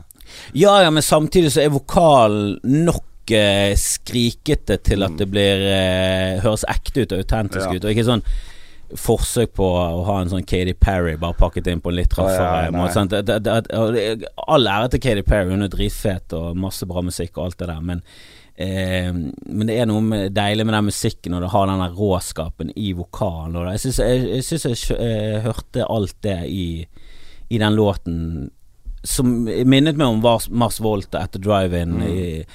Og hvis Mars Volt hadde gått på gaten i Bergen, så tror jeg faen ikke det hadde vært mange som hadde kjent det igjen, selv om de er Det tror jeg ikke. Uff, jeg har en uh... Jeg vet ikke om jeg hadde kjent det igjen nå heller. Jeg vet ikke hvordan de ser ut for tiden. Jeg tror jeg hadde kjent igjen Katten min gjennom 18 år heter Cedric. Etter han heter Drive-In. Og jeg, jeg har en historie om de der. Forferdelig. Det kommer en uh... De spiller i Oslo. Og Sentrum Scene kanskje, eller noe sånt. Så kommer det en fyr og venter på de utenfor til de skal komme ut til bussen. Og han har kalt opp sønnen sin, Cedric. Og han vil si det her til de, sant? For liksom det, altså er hans favorittband ever, og de har betydd alt for han. Så kommer han og sier Ja, kan jeg få si noe? Jeg, eh, jeg har oppkalt sønnen min etter deg, liksom. Han heter eh, Cedric. Og de hadde bare Er du helt dum i hodet ditt? er du mentalt forstyrret, liksom? Blitt sint på han? Så han Jeg tror hans eh, periode som et drive-in-fan sluttet der. Nei, det syns jeg er rart, for det eh, Altså, hadde han kalt sønnen sin Mars Volta, liksom, så hadde det vært noe som er sånn Det er kanskje et rart. Faen, det, det er for et rart navn. Men Cedric er jo et navn. Mm. Det, det er jo kjempekoselig. Det er et eller annet med no- noen som tatoverer fjeset ditt på kroppen, som er det Der tror jeg det hadde vært mer i den derre Hvorfor har du gjort det? Du må ikke ha mitt fjes på lå. Du er dust, Ja. eller? Jo. Ikke det bare koselig, da, hvis du, noen er kaller seg opp eh, sønnen sin etter deg? Jeg ville tro det var koselig, men eh, ja. Det er ikke alltid lurt å treffe heltene sine, tror jeg. Nei, altså det, det, det, Der tenker jeg ofte også på sånn eh, Hvilken situasjon treffer du i? For det, det er et eller annet jævlig kult å treffe folk i de rette situasjonene. For eksempel nå nettopp så traff jeg han Petter Ness som har regissert Elling. Ja. Og Elling er liksom Den er dritfet. eh, Og jeg liker han fyren, eh, men jeg har aldri truffet han. Og hvis jeg hadde sett han, så hadde jeg aldri gått bort han. Men så traff jeg han fordi at jeg skulle gjøre en sånn eh, ja, liten greie etter filmen til han Odda. Eh, han Mm. Odd eh, Magnus Williamson. Mm. Og han Petter Ness hadde jo regien. Så da hadde vi en liten sånn prat før, og så snakket vi etter filmen, og så snakket vi etter. Da hadde du liksom en, den rette måten å liksom snakke med han om, da. Og så sa Ja. jeg at eh, når vi var ferdig med de greiene, at jeg hadde lyst til å snakke om Elling, men det passet ikke da. Men faen så jævla kult. Ja. Det må være å bli nominert til Oscar, var ikke det helt absurd? Og så snakket vi litt om Den det. ble nominert til Oscar, ja. Shit. Ja, for, det, meg, for jeg er jo kjempefilmnerd. Du høres litt filmnerd ut. eh, Ja, du jeg er glad i film, ja. Eh, og for meg så er det liksom greit når det er masse Oscar-filmer som er sånn åh, de, de, velger jo sjelden de beste filmene. Sånn som når de valgte Parasite, så var jeg, fikk jeg bakover Mm. Den var så det helt sånn, sykt fet, Hva altså. greier det der faktisk å velge den beste filmen? Det er jo helt sinnssykt. Shit, eh, koreansk film, det er helt vilt. Ja, kore og koreansk film er jo så grisebra. Det Det er har blir nominert til dritbra. priser hele tiden. De er liksom eh, Ja, jeg syns de er det, er det beste sånn eh, asiatiske landet for tiden, da. Og de har Mm. vært det i sånn 15 år nå. De har bare levert og levert. Har du sett uh, I Saw The Devil? Ja. Jeg har sett Altså- alle av han uh... Det, det, er så, det, er så, altså det er så brutalt og så vakkert og så originalt og så troverdig, selv om det er helt ute. Altså det, det er et eller annet der som er bare sånn Det er magisk. da De er skikkelig gode. Ja, jeg synes det er bare Måten de Den Old, har du sett den? Ja, ja. Oldboy heter han vel. Oldboy, ja. Oldboy, ja. Et, den, uten å spoile noe, den plottvisten der er det sjette sansen kan gå og legge seg. Jeg syns at det er bare For en plot-twist. Jo, men sånn i Parasite òg, da er det sånn Du vet ikke hvilken film det er, og så set, eh, begynner du å se han, og så skjønner du ikke helt hvilken sjanger det er, og så går han den veien. Så er det sånn Å, faen, kult. Ok, det er Mm, der, det er der han skal gå. Ok, skal gå der, ja. Og så bare twister han. Så bare sånn Å ja, den hadde jeg ikke sett komme. Og, Ja, ja. og kom den i tillegg, ja. Og så den, hva faen. Ja, og så bare sånn vill. ene plot-twisten etter den andre, og, bare, og ingenting føles sånn tvunget. Mm. Og ingenting føles sånn at Hun hadde jo aldri gjort det. Det er jo ikke den typen. Hun er jo nervøs og sånn. Hvorfor skal hun gå bort og sjekke døren? Sånn som det er ofte i amerikanske filmer. Bare Sånn, Dere har jo bygget den personen opp som en sånn. Hvorfor er hun plutselig sånn? Og Bla. Men, det, ja, det, men Oscar for meg er jo stort. Da. Jeg syns det er kult. Ja, det er jo det. Det hadde vært helt vanvittig å vært liksom med på noe sånt. Og han har jo opplevd det, og vært liksom sjefen Mm. Ja. for den filmen. Så det var dritkult å liksom treffe han på de rette premissene til at jeg kunne For hvis jeg hadde truffet han på- på 7-Eleven og sagt det samme, så hadde det vært helt upassende. Ja. Dritings klokken tre om natten. Ja. Ja, og så er det litt det samme han som går bort til eh, de der eh, Mars Volta-gutta, sant. Mm. Altså, de er jo på vei De er slitne, er på vei inn, ja. de skal spille. Og jeg ser for meg at de er sånn Hvis vi kan spille, eh, kjøre inn bakveien, kan kan ikke vi gjøre det? Altså, sånn, Det er ingen bakvei. Det er sentrum scene, det er midt i sentrum. Mm. Ja. Så det er, ingen, det er ingen bak, du må bare inn Mm. der. Og sånn, ah, Får håpe vi ikke møter på noen idioter. Og så er det den første vi møter på. Så er det litt sånn ah, fuck det. Vi, vi, ah, det er nok fans, vi trenger ikke Ja. det. Jo. Altså, det er et eller annet med Hvis det er de rette omstendighetene, så kan du snakke med en helt. Mm. Uh, er det ikke de rette omstendighetene, ikke snakk med en helt. For det, det, det, det kan skje, det der, altså. Jeg tror det er best å bevare det bildet man har laget seg sjøl. Jeg husker jeg, Min far eh, var lege, og han var brannlege. Så spilte de mot United i en sånn her eh, Bare sånn tullekamp, sånn et eller annet eh, sesongoppkjøring. Og da husker jeg meg og min bror, vi var United-fans, store fans. Og så var Beckham og Solskjær og Andy Cole, det var den generasjonen der. Ja. Og så sto vi inne på sånn her eh, der alle skulle møtes etterpå. Men vi hadde jo ingenting der å gjøre. Vi er sånn Hello, we are the children of the doctor of the team you don't know. Så etter hvert så var det sånn Vi har jo ingen inn. Vi kan ikke begynne å snakke Ja. med disse. Så det eneste det blir at autografer eh, stotrer frem at vi elsker de Ja. et eller annet upassende. Og vi var litt for gammel for det. Hadde vi vært ti år yngre, så hadde det vært fint. Men vi var liksom akkurat i den der 18-19-årsalderen. Så Oi. det var sånn Nei, vi må bare gå. Og så til slutt bare gikk vi, selv om det kom bare den ene stjernen etter den andre. For vi sånn Vi passer ikke Vi, vi hører ikke til her. Hvis ikke du hører til her, så er det ikke like kult. Da får du ikke den respekten. Nei. Der du kan faktisk ha en skikkelig so eh, samtale. Ja. Og selvfølgelig har det vært kult å snakke med Beckham og alle de der, men hvis han skal bare være sånn at han må si et eller annet til meg før han skal videre til der han har lyst, og du ser at blikket hans flakker hele tiden, og han leter etter sånn Kan ikke noen hjelpe meg ut? Det står en eller annen freaky nordmann her. Så Nei, det, er, det er et eller annet med at øh, hvis ikke du treffer det i de skikkelige omstendighetene, så, så bare drit i det. Ja, jeg, jeg har sett uh, motsatt uh, Jeg jobbet på det der Ole Bull Det er vel Berg... Hva heter det for noe? Bergenfest? Ja. Så heter det Ole, Bull, Ole Blues Ole Festival. Blues-festivalen, ja, det var det det begynte med som. Så var jeg sånn bandansvarlig for de der Ja. Legendary Shack Shakers. Og da var hun, ja, da var hun som spilte Adriana i Sopranos. Ja, ja, ja, hun, eh, hun som ble drept av eh, Hun som var gift med Christopher. Ja, hun, Ja, hun som ble drept til slutt. er kjæreste Spoiler alert. For de som ikke har sett Sopranos ennå. Uh, hun var med, da. Han, hun var sammen med en av de i det bandet der. Og da husker jeg det var oppe på backstagen på Garasje, og da sto folk faen meg i kø og skulle spørre hva betyr den scenen der, hva betyr det, og når det skjedde sånn, hvorfor sånn og sånn og sånn. Og hun svarte søren meg på alt sammen.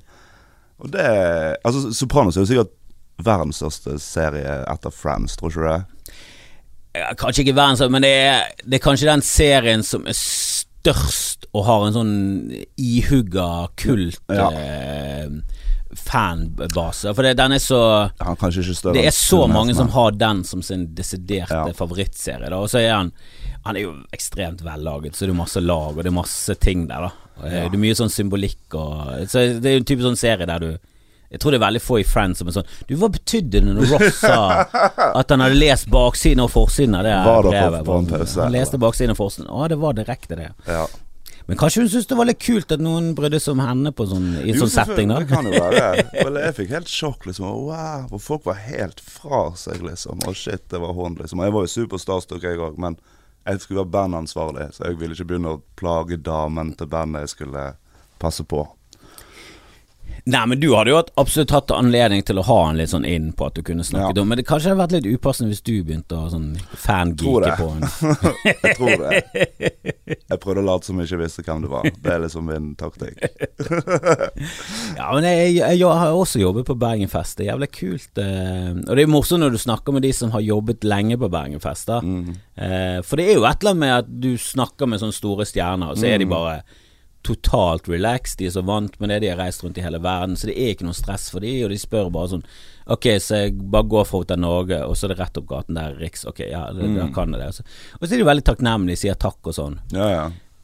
Og de som er assholes, er ofte de der som ikke er store Ja, de nye som nettopp har fått en liten, som bitte Ja. liten sånn boost. Det er de som mister det sånn med en gang. Ja, det tenker jeg ofte med at du leser sånn her Åh, her er hva Beyoncé skal ha nå. Hun skal ha et sugerør som koster 4000, og bla, bla, bla. Og det, hun skal ha ditten og datten. Så det er sånn Ja, men kan ikke du bare gi henne Hun er jo der. De tar det ut av honoraret. Så Ja, bare ja.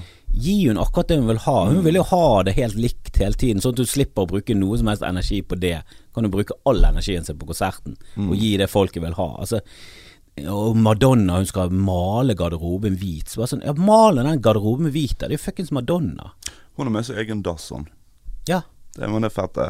Digg å alltid med komme hjem til egen dass. ja men det er jo sånn. Hun er jo reiser faen meg Den turneen, 258 dager skal hun Ja, ja. reise. Og hun, og, det, og hun er livredd for å bli syk. For hvis hun blir syk, Ja, alt er fucket. liksom. Og det er masse Og det er mye stress. Bare det at eh, Greit nok, er sikkert eh, økonomiske løser seg sikkert til slutt, for det er sikkert masse forsikringer og drit. Men det er jo et fuckings stress. Hun er stjernen. Hun må ta vare på seg selv. Gi henne akkurat det hun vil ha. Ja. Hvordan går det med dere når dere reiser? Har dere noen sånne raider eh, der Eh, dere Den må er ha ting? veldig beskjeden. Det er bare drikkevarer og frukt og Kanskje noe sånn her eh, Vi vil ha tysj til å lage settliste, eller vi vil ha en sånn juice til vokalisten. Men det er ikke noe mer Det er selvfølgelig sånn her eh, dietary behov, da. Sånn noen er vegetarianere, og noen er kjøttetere og sånn. Så eh, det er jo sånne ting, men Nei, vi er ikke kommet der at vi kan kreve egen dass. Nei, Enda.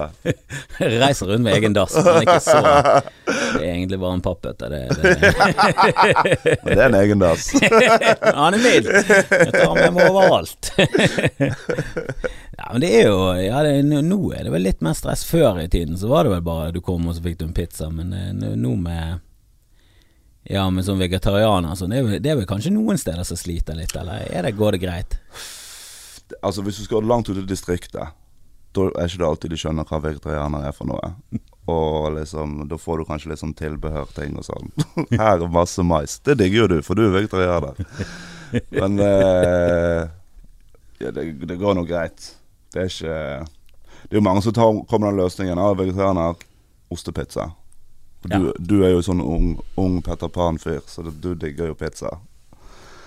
Så det er jo mye den, men eh, det går greit det. Det går greit med sånne ting så lenge du ikke er på en lang turné. For at eh, spiser du pizza tolv dager på rad, da da skjer det noe med deg. Ja, og så er det et annet det spørs jo når du spiser, for når du skal på scenen. Men jeg, jeg liker veldig sjelden å spise rett før jeg skal på scenen. Ja. Så hvis du skal spise, så må det enten skje ganske langt før scenen. Ja, Eller så kan vi bare like godt spise etter. For etter så er ett fett. Det kan like som spise Og Ja. det er jo veldig usunt, da. Ja, det, når det er midt på natten, ja. Ja, du begynner å spise klokken halv tolv. Det er sånn. Ja, det er ikke bra. Og så har du gått sulten siden lunsj, så det er liksom Det er tolv og, og der er det bra at du ikke drikker kaffe, for det, det er jo det du gjør når du venter. Ja. Jeg røyker mye sigaretter, da. Det er min eh, Det er ikke så bra.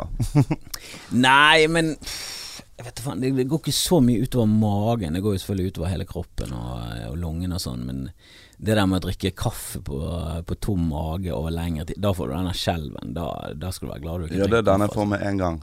Du med ser. Hvis jeg ser en kopp kaffe, så får jeg den. Og det, det er jeg ikke takler.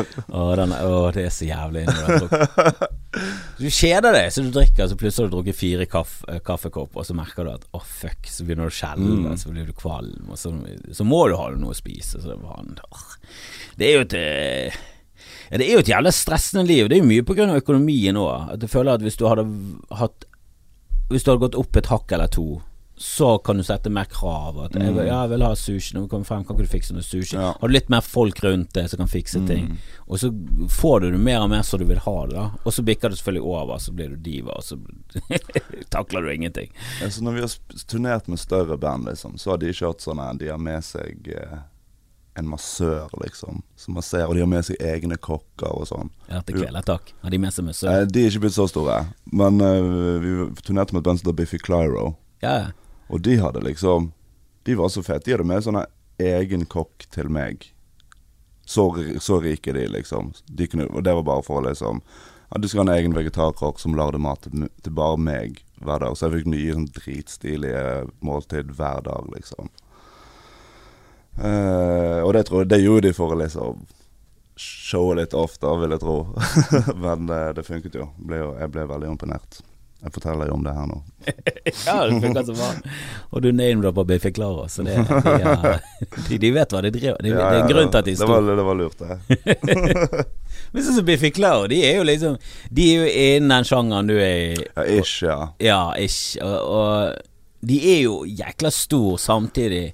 Det er jo ingen som vet hvem de er i Norge. Sant? Ja, det er litt begge deler, ja. Ja, men altså sånn vanlig Den Ja, vanlige ja, nei, det- sånn, Min kan mor de har jo aldri hørt navnet Nei, De nei, har sikkert ikke hørt sjangeren nei. Så det, eh, det er et eller annet behagelig med det òg At du liksom De som vet, først vet hvem du er Det er folk som du kanskje har mye til felles med. Mm. Det er jo også en, eh, en fordel med, med sånn type musikk At hvis du først har noen som vet hvem du er Så er det Mest sannsynlig folk som du kan prate med Ja, jo, det er sant. Treffer selvfølgelig mye forskjellig, men eh, det er jo mye folk med samme interesser, ja. Ja, at det er litt mer sånn eh, Det er folk som er i nærmest i din bås av mennesker. Ja. Du får liksom ikke den der brede appellen der det er sånn åh, liker folk meg som er. For det er av og til litt sånn nedtur der det er bare sånn Å, du liker meg. Åh, ikke du. Ikke du på listen til alliansen? Sånn. Jeg vet ikke om det er kult i det hele tatt at du liker meg. Vi har, vi har faktisk hatt Det er det rareste jeg har opplevd i mitt liv. Jeg håper ikke de hører denne podkasten. Men vi hadde for mange år siden Hør på denne, hør på denne komboen. To lesbiske eh, jenter fra Nottingham som var med i English Defence League. det er bra kombo.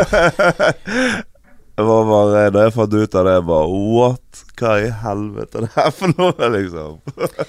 Men jeg setter faktisk English Defence League ett hakk over eh, Norwegian Defence League, for de heter Er Norwegian noe som heter Norwegian Ja. Defence League?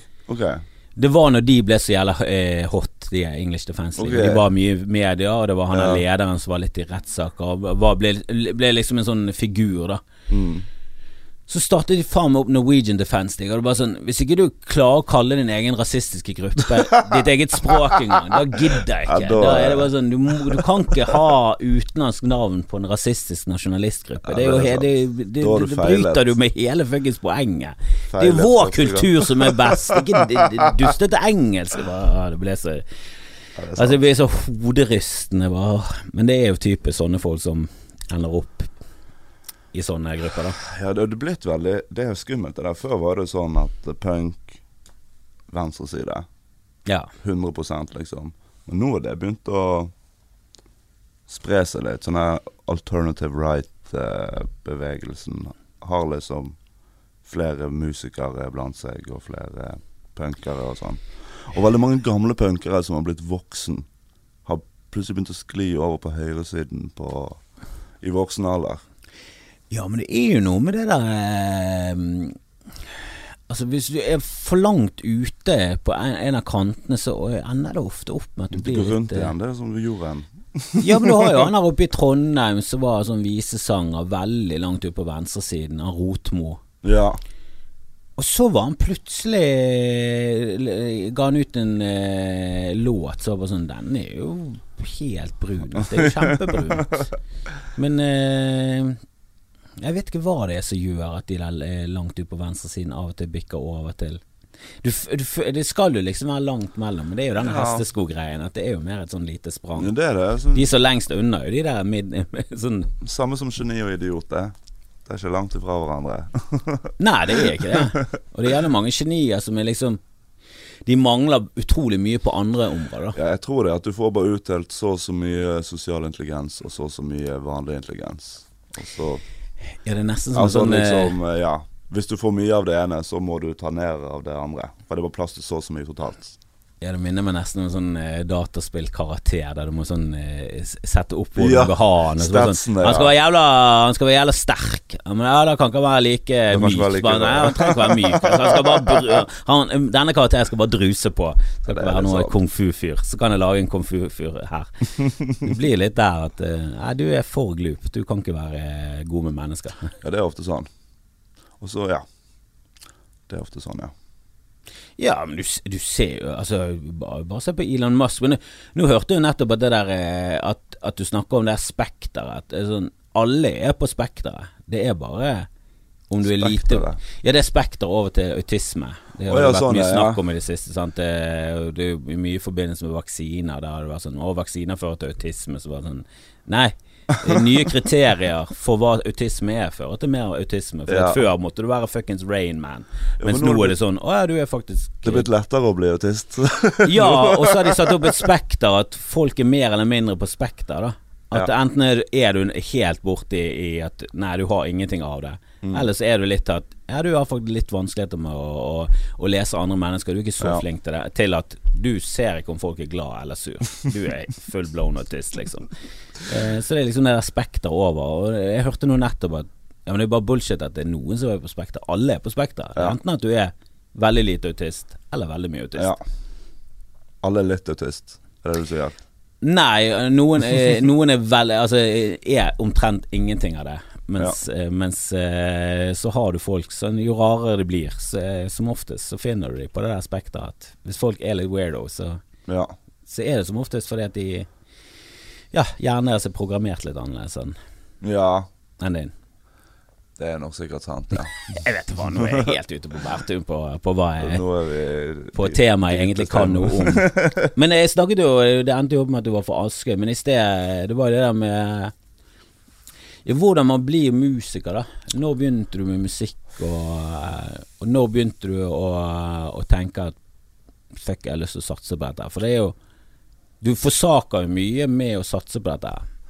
Vi eh, bodde først på Ask, som jeg fortalte om i sted, eh, fram til jeg var 13-14 år, tror jeg. Og så flyttet vi til Kleppestø, som er liksom downtown Askøy. Det er sentrum for Askøy. Og det er jo sånn ca. en halvtime med buss fra Ask.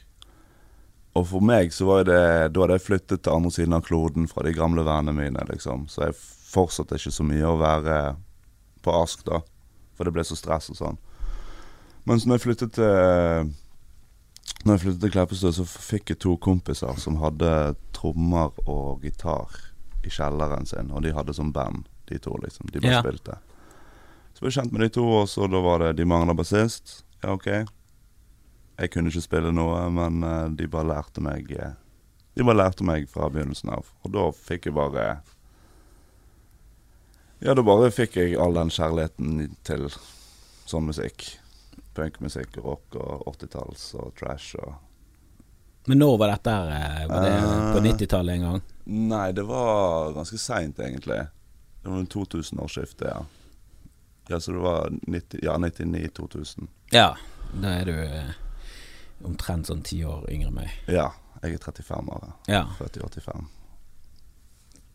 Det var jo jækla pop Men det, den musikken hadde jo vært eh, Jeg husker den ble populær eh. Jeg snakket jo med H-Tuften og han eh, kokken på, på Lysverket. Han var jo Han var jækla punker før i tiden. Mm. Ja, han er jo ganske punkete nå òg.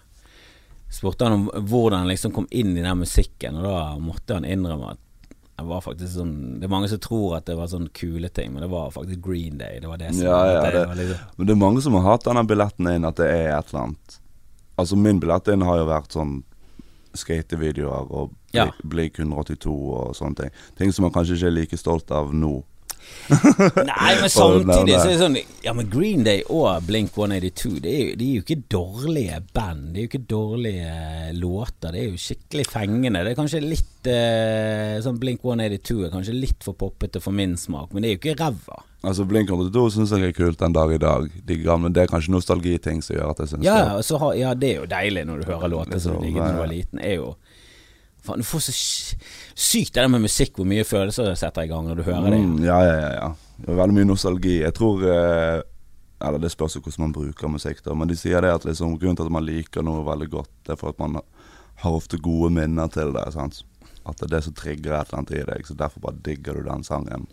Den har du hørt på fest når du klinte med hun du digget, eller you know. Ja, jeg hørte skikkelig bra life hack. Hvis du får ansvaret til å liksom lage musikk til en eller annen eh, 50-årsdag eller 60-årsdag Ja. eller 70-årsdag Altså hvis du får ansvar for noe musikk, og det er noen foreldre involvert, så bare sånn Finn ut akkurat når de er født, og så spoler du frem 13-14 år, og så bare går du og googler. shit, ja. Hva var det som var hit hitene gjennom det året? Det Så ta liksom fra 13 til 16-årsalderen, finner du de største hitsene, lager du en samle-CD, hele festen er reddet. For det, da, da får alle denne. Og det er mange låter som sånn Åh, sånn sånn som Bombadilla Life. Ja, ja. Hvem er det som setter på Bombadilla Live? Men kommer den på eh, på Tore Sivertsens sin 60-årslag, Ja, så er det fucking. Da er det god stemning, altså. Og så topper du det selvfølgelig med People Got The Move People Get Moving. Så er det, så er det, så er det Aldans på Aske. Da er det god stemning. Men det er bra sånn life hack. Eh. Ja, shit, det vil jeg tro. Det skal begynne med. Kanskje bare skal lage playlister fra når jeg var 12 Ja, men det 15. er å høre låter som du Spesielt låter som du har glemt at du elsket. Åh, Det er det beste. Når du kommer på en sånn gammel låt som du har elsket, og du har ikke hørt på. Men du liker veldig mye 80-tallsmusikk. Du nevner hele tiden 80-tallet. Du er jo Elsker- født på 80-tallet, men du har liksom ikke opplevd noe særlig. Jeg har ikke opplevd 80-tallet noe særlig. Men uh, jeg elsker sånn Berlin Jeg har eldre søsken, da. Ja. Så liksom sånn har de spilt liksom uh, den musikken for meg. Og så har jeg fra opprinnelig fra Kvinesdal. Jeg er født der. Og der henger de ca. ti år etter resten av Norge. Så gjennom ferier og sånn der på sommeren, så har jeg liksom litt fått oppleve 80-tallsting. 80-tallsmoter og sånn, for det henger jo veldig igjen eh, der nede. Eller hengte igjen da. Men eh, ja, sånn alt mulig popting. Eh, Belinda Carlisle er kanskje min favorittartist ever, liksom. Og Roxette elsker jeg. Det er bare så sykt bra låtskriving at jeg vet ikke hvor jeg skal snu meg. ABBA, selvfølgelig. Fantastisk. Eh, Har du fått med deg de har sluppet nye låter? Du, To det Jeg det er bare så det i avisen at, eh, at ABBA hadde vært ute med noe nytt. Så jeg har ikke sjekket det ut ennå. Det er for hvis du liker ABBA, da. Jeg, lik, jeg liker ABBA. Det er jo ja, De har så mange hits at uh, Ja, du, Så De kan til og med lage Mamma Mia 2, og den er full av hits. Ja. Det, det er så ille er det. ja. Det er liksom det er, det er ikke mange som oppi det sjiktet der. Det er liksom bare Det er vel Beatles og ABBA som har, ja. som har så mye forskjellig, da. For Rolling Stones har ganske mange hits, men det er Det er ikke på det nivået. Nei, det tror jeg ikke. Ikke. De, har, de har mer sånn fem-seks sånne store hits som Mm. er sånn Som har slått igjennom mainstream. Altså De har mye De har masse album, og det er selvfølgelig all respekt til Rolling Stones og de har alt, alt det der greiene der, men de har, de har liksom ikke denne hit-faktoren som eh, ABBA og Beatles hadde, der det Nei. er sånn Damn, det der er en fuckings hit, altså. Men det er sånn når vi sier ABBA, altså svenskene er jo irriterende gode på å lage fengende pop. Ja, du har sett den Netflix-greien med Jeg tror den heter This Is Music eller noe sånt? Nei. Så følger de um, Hver episode handler om forskjellige ting. Jeg tror den ene handler om Motown, og så er det én episode som handler om svensk musikk. da Shit. At det er noe sånn Det er et lite land oppe i Skandinavia som Han står bak. og så- alle hits. ja, og så bare viser de frem som Britney Spears, Backstreet Boys, alle de Mm. i den perioden. Og det er jo Der er det bare Max Martin. Ja, Max Martin står jo bak liksom halvparten av 90-talls. så det er det miljøet der, da. Det, er, og det visste ikke jeg, men det er jo en over Max Martin som var liksom han som var, fikk Max Martin inn. Oh, ja, okay. Og han husker ikke Men det kjenner jeg ikke til heller. Han husker ikke hva heter sånn i farten. Men han var liksom Han var litt eldre enn eh, Max Martin. Eh, han het et eller annet Dennis eller Preben eller et eller annet sånt. Eh, han sånn Når du ser navnet hans, så har du sikkert sett Ja, det ok, før. ja. For det, han har et eller annet sånn her eh, poppete navn. Og det er han som liksom startet det. Og de lagde de låtene i Nå sitter vi i et eh, studio eh, ved siden av kinoen, og det, det var mer shabby enn dette, da. Ja. Det var sånne brakker nærmest, og det var ikke nok sitteplasser til alle. Så når de liksom lagde de Backstreet Boys-låtene, Ja. så ser du bilder, så står liksom halve bandet må stå, ja. og så er det noen som får lov til å sitte. Det er så lite og knøtete, og det er ingen luksus, ingen glamour, ingenting. Ingen sånn flipperspill og kult kontor og fett designerbord. Det er liksom Alt er så jævlig sånn Nei, det er dette vi trenger. Mm. Vi trenger Vi må ha et skille, dere må stå der inne. Vi må, vi må, eh, må selvfølgelig sånne lyddempende plater på veggene, og så må vi ha en miksepult og alt det der. Men vi, vi skal ikke ha noen fuckings bar her, eller noe så kult. nei. Og så er det bare Var det en haug med svensker som ble rekruttert fra forskjellige steder. og Veldig mange fra sånn eh, heavy musikk. Mm. Og veldig mange Max ja, Martin spilte i et heavy band. morsomt, ja. Eh, veldig mange av de har begynt å spille i heavy band, men det var heavy band som hadde liksom melodi, melodier, da. Låter. Det var ikke sånn Det var ikke over i black metal. Det var Ja, mer, ja. det var mer sånn 80-talls heavy metal. Ja, ja, ja. ja. Og det, det handler jo jævlig mye om å bare Og det er jo Blood Commando. Lage noe som er catchy og Det er poplåt Mm. pakket inn i mye hardere materiale. Ja, rett og slett. Jeg har alltid vært svak for det. For uh, veldig catchy hits. Jeg synes det er drit Svenske hits syns jeg er så sykt bra. Ja, det altså- minner meg om å være liten, og det er sommer, og vi skal bade, og det er god stemning, liksom. Og så hang de seg litt opp i teksten, for der var det sånn Teksten for oss er så utrolig lite viktig. Ja, de driter i det. Det er liksom Melodien er så jævla alt, og så kan teksten bare være hva faen det var. Det var det, I want it that way. Det sånn, du snakker om? Hvilken, hvilken, hvilken vei du vil ha? Det var sånn I want it that way. Jeg er veldig for sånn eh, måte å skrive og tenke på, for det er ordlyden som er viktigst. Du skal synge det. Det er kult at du synger 'That Away', selv om det ikke er rett. Ja, men der er, er det jeg er samme type. For, det, for meg så er det sånn Bob Dylan altså, Ja, jeg kan anerkjenne at han er fantastisk, og jeg Mm. skjønner at folk digger og alt det. Jeg skjønner at han er Men det gir meg veldig lite. Sånn, Har du hørt tekstene? Så sånn Jo da, sikkert, men det er ikke Det er Jeg ikke synger ikke det, det, er ikke det jeg henger meg opp i i en låt. Uh. Det er veldig sjelden jeg får med meg eh, ordlyden, men, det, men det er den feelingen, og at det høres kult ut, og alt passer sammen. Det er det jeg liker. Litt av begge deler er jo selvfølgelig fett. Hvis det Selvfølgelig, det er litt jævlig kult kult. innhold. Men hvis det er bare innhold, og ingenting er liksom der, så Det er Men ikke sånn er jeg på komiker òg, at hoved, hovedfokuset mitt er jo om jeg ler og jeg syns det er gøy. Ja, ja. Og om det i tillegg er noe Jeg klarer å eh, ta opp noe som faktisk er viktig i samfunnet, Mm. eller et eller annet eh, dør, mørkt tema, eller et eller annet som jeg, jeg skulle nesten ikke tro at noen kunne gjøre om til humor. Selvfølgelig, kjempe, det er pluss, det.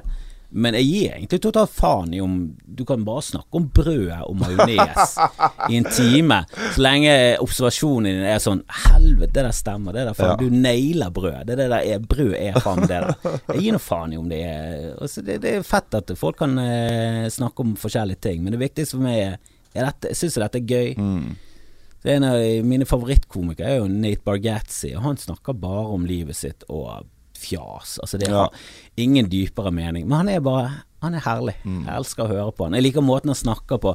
Ordene han velger er så bare sånn Åh, det er så perfekt at du valgte det ordet for å si det. Det er så nydelig.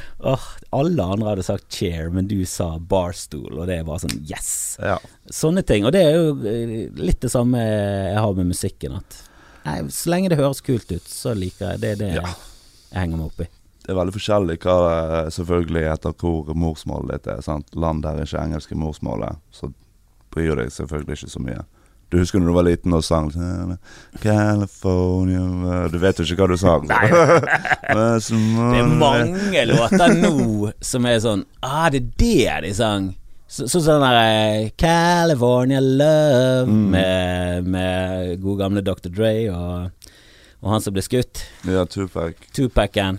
Eh, der er det Knows How To Party. Det Ja. fikk jeg aldri med meg da jeg var ung. Nei.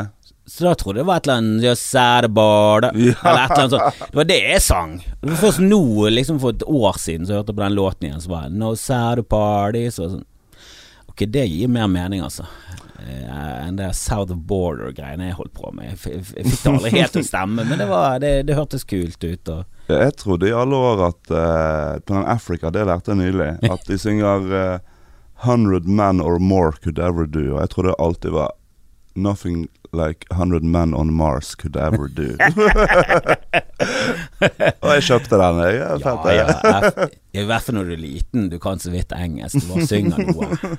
Og det høres jo kult ut, det. Det kan være menn på Mars. Ja, Hvem faen vet hva Toto mente med de her tekstene sine? sikkert ikke så mye.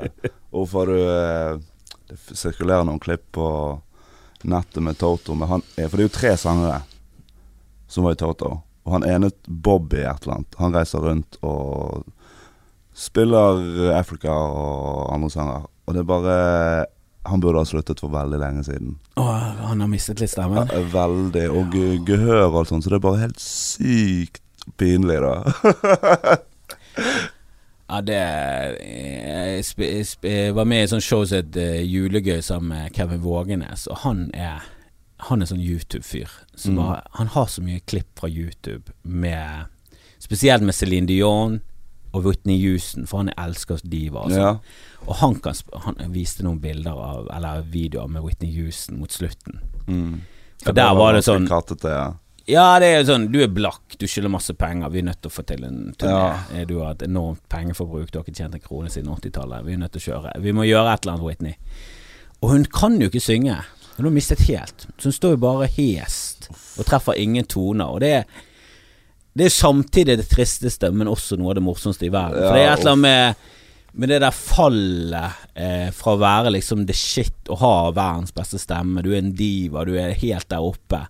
Og så bare ender du opp som en sånn Nesten sånn crack-ho som må synge for penger, så har du ikke penger lenger. Altså, du har ikke, du har ikke stemme lenger. Så du vet jo at alle i publikum går jo derfra og bare sånn «Åh, det er siste gang jeg betaler noe for Whitney. Whitney ute. Uff, men det sånn- det der med å ha stemme og sånn Vi snakket om Madonna tidligere. Hun kan jo heller ikke synge. Men hun har aldri kunnet synge. Ja, hun har aldri kunnet synge, men likevel så er hun liksom en av Ja, Ja, men det er litt annerledes. Madonna er jo en, en av de der få sånne popdamene som egentlig er, Hun er ikke noe særlig god å synge.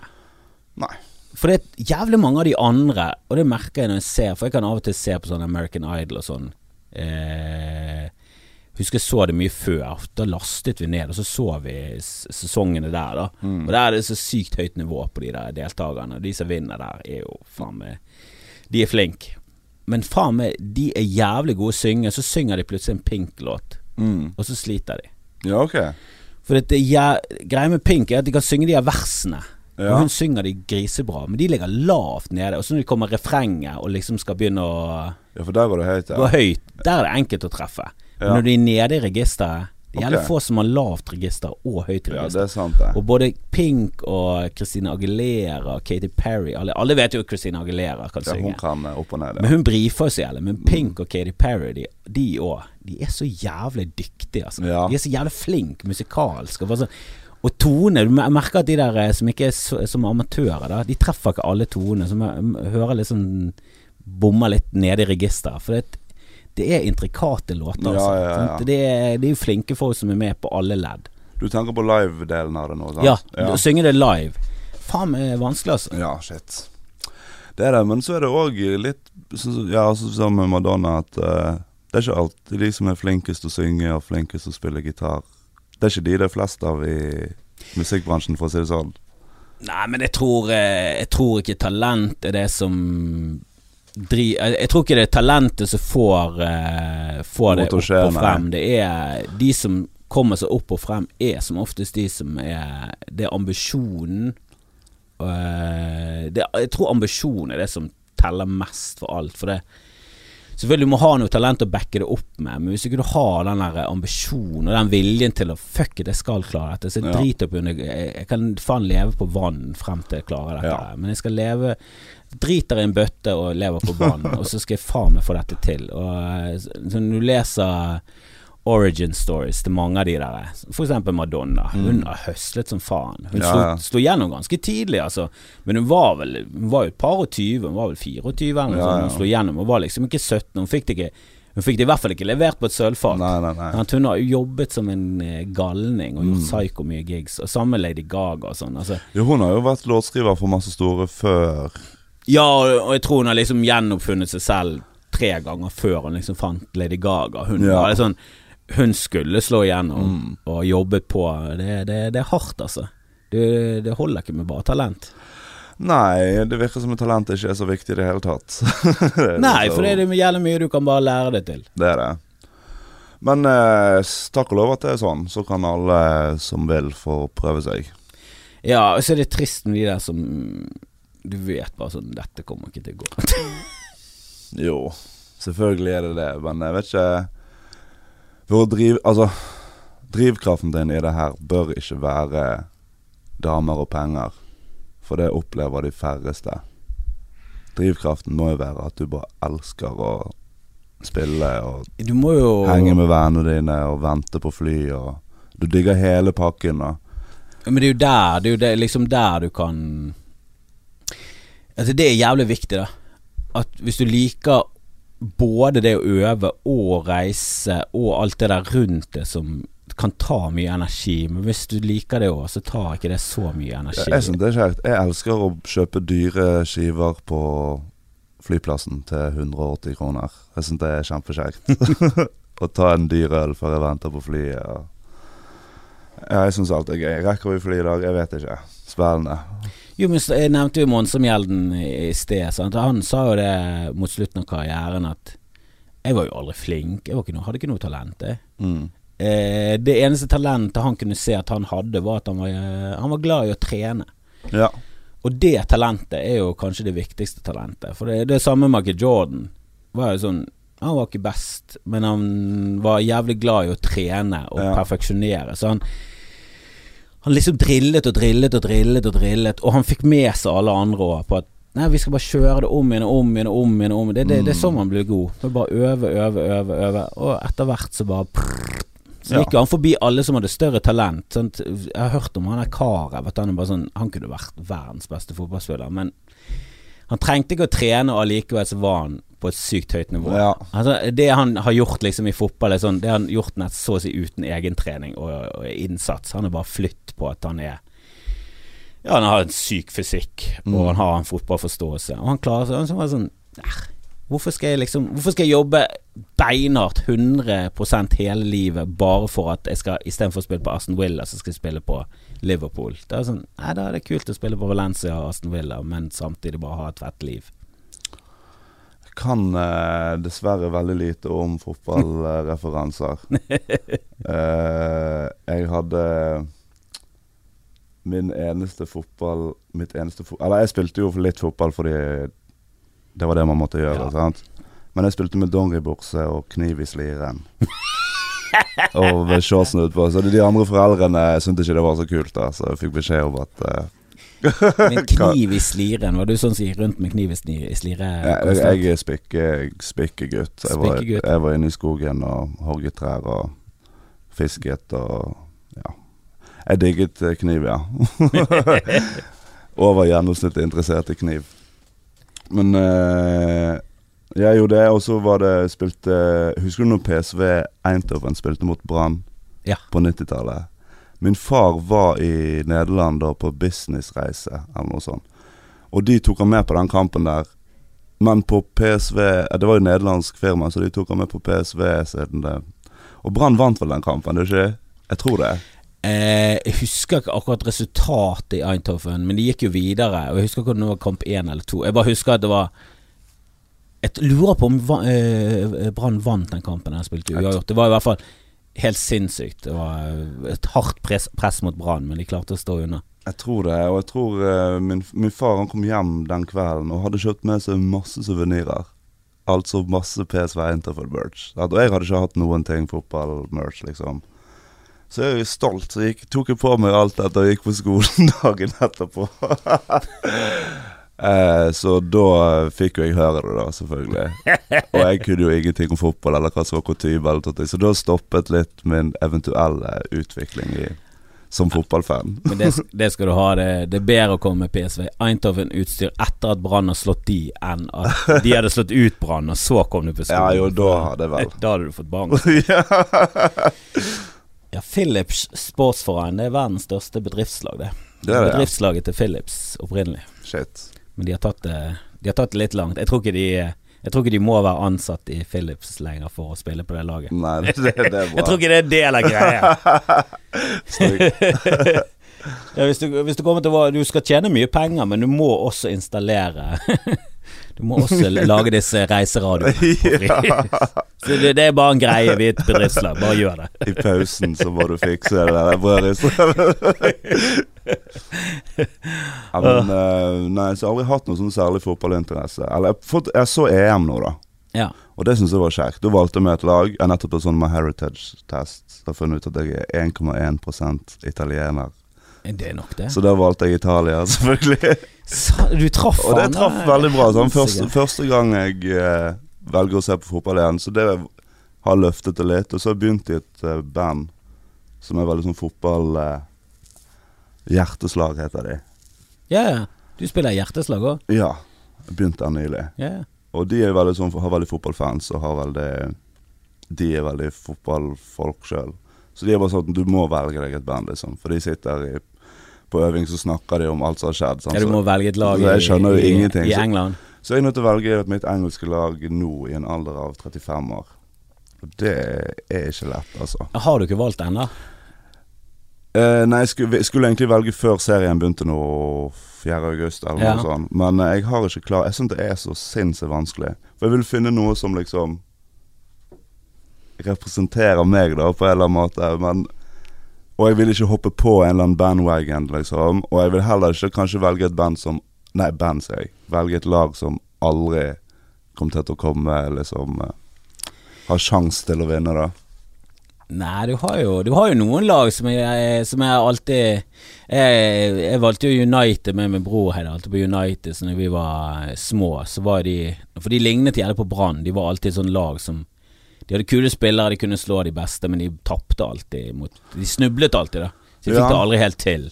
Så det var veldig sånn de hadde røde drakter, sant, og jeg ville ikke velge Liverpool, for de var best. Ja, okay. Det var så mange rundt meg som heide på Liverpool, så vi gikk for United, for de var liksom de var sånn, de var stor, Det var en stor klubb, men de fikk det aldri helt til. Så vi følte det var sånn Det er jo fuckings Brann. De, sånn, de burde vært mye bedre, hvis så greide de alltid å snuble. Så har du også funnet et underdog-lag. Ja. Liksom, og de var jo underdog, men så ble de Nå er de langt ifra. Nå ja, er de veldig mestvinnende. Når jeg gikk på barneskolen, så hadde vel de en av sangene som de synger på banen på hitlisten, vel. Soulshare, my only soulshare. Ja, ja. Det holdt på hitlisten, tror jeg. Eller hadde iallfall på denne Absolute Music. Eh, ja, ja, altså, altså når utover eh, Når du begynte å bli Å skulle velge lag, ja. så var det veldig Da var det jo switchet. For når jeg var liten, så valgte jo alle Liverpool, fordi ja. de vant hele tiden. Okay.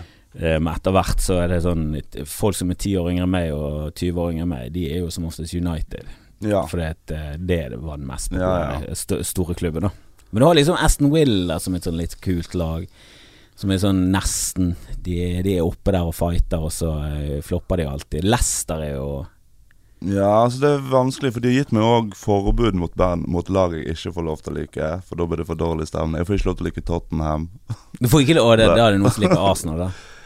ja, det får jeg heller ikke lov til å like. Arsenal, tror jeg.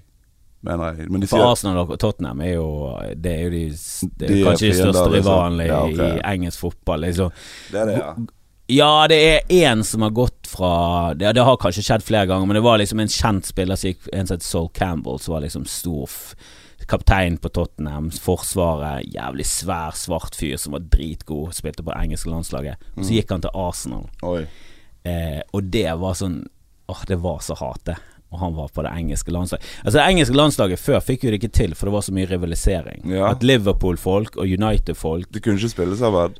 Nei, det ble dårlig stemning, da. Så det ble ikke noe sånn her De dro ikke lasset sammen. da okay. Og så var det det med han og Sol Campbell som gikk fra, eh, fra Tottenham til Arsenal. Sånn, da var det alltid noen gnisninger med noen Tottenham-spillere. Så hvis det kom noen Tottenham Så det var for mye sånn fraksjoner. Så de klarte liksom ikke å, å legge det fra seg og være sånn Ja, men nå er vi for England. Det var sånn Nei, dere er United, vi er Liverpool. Fuck Ja. det.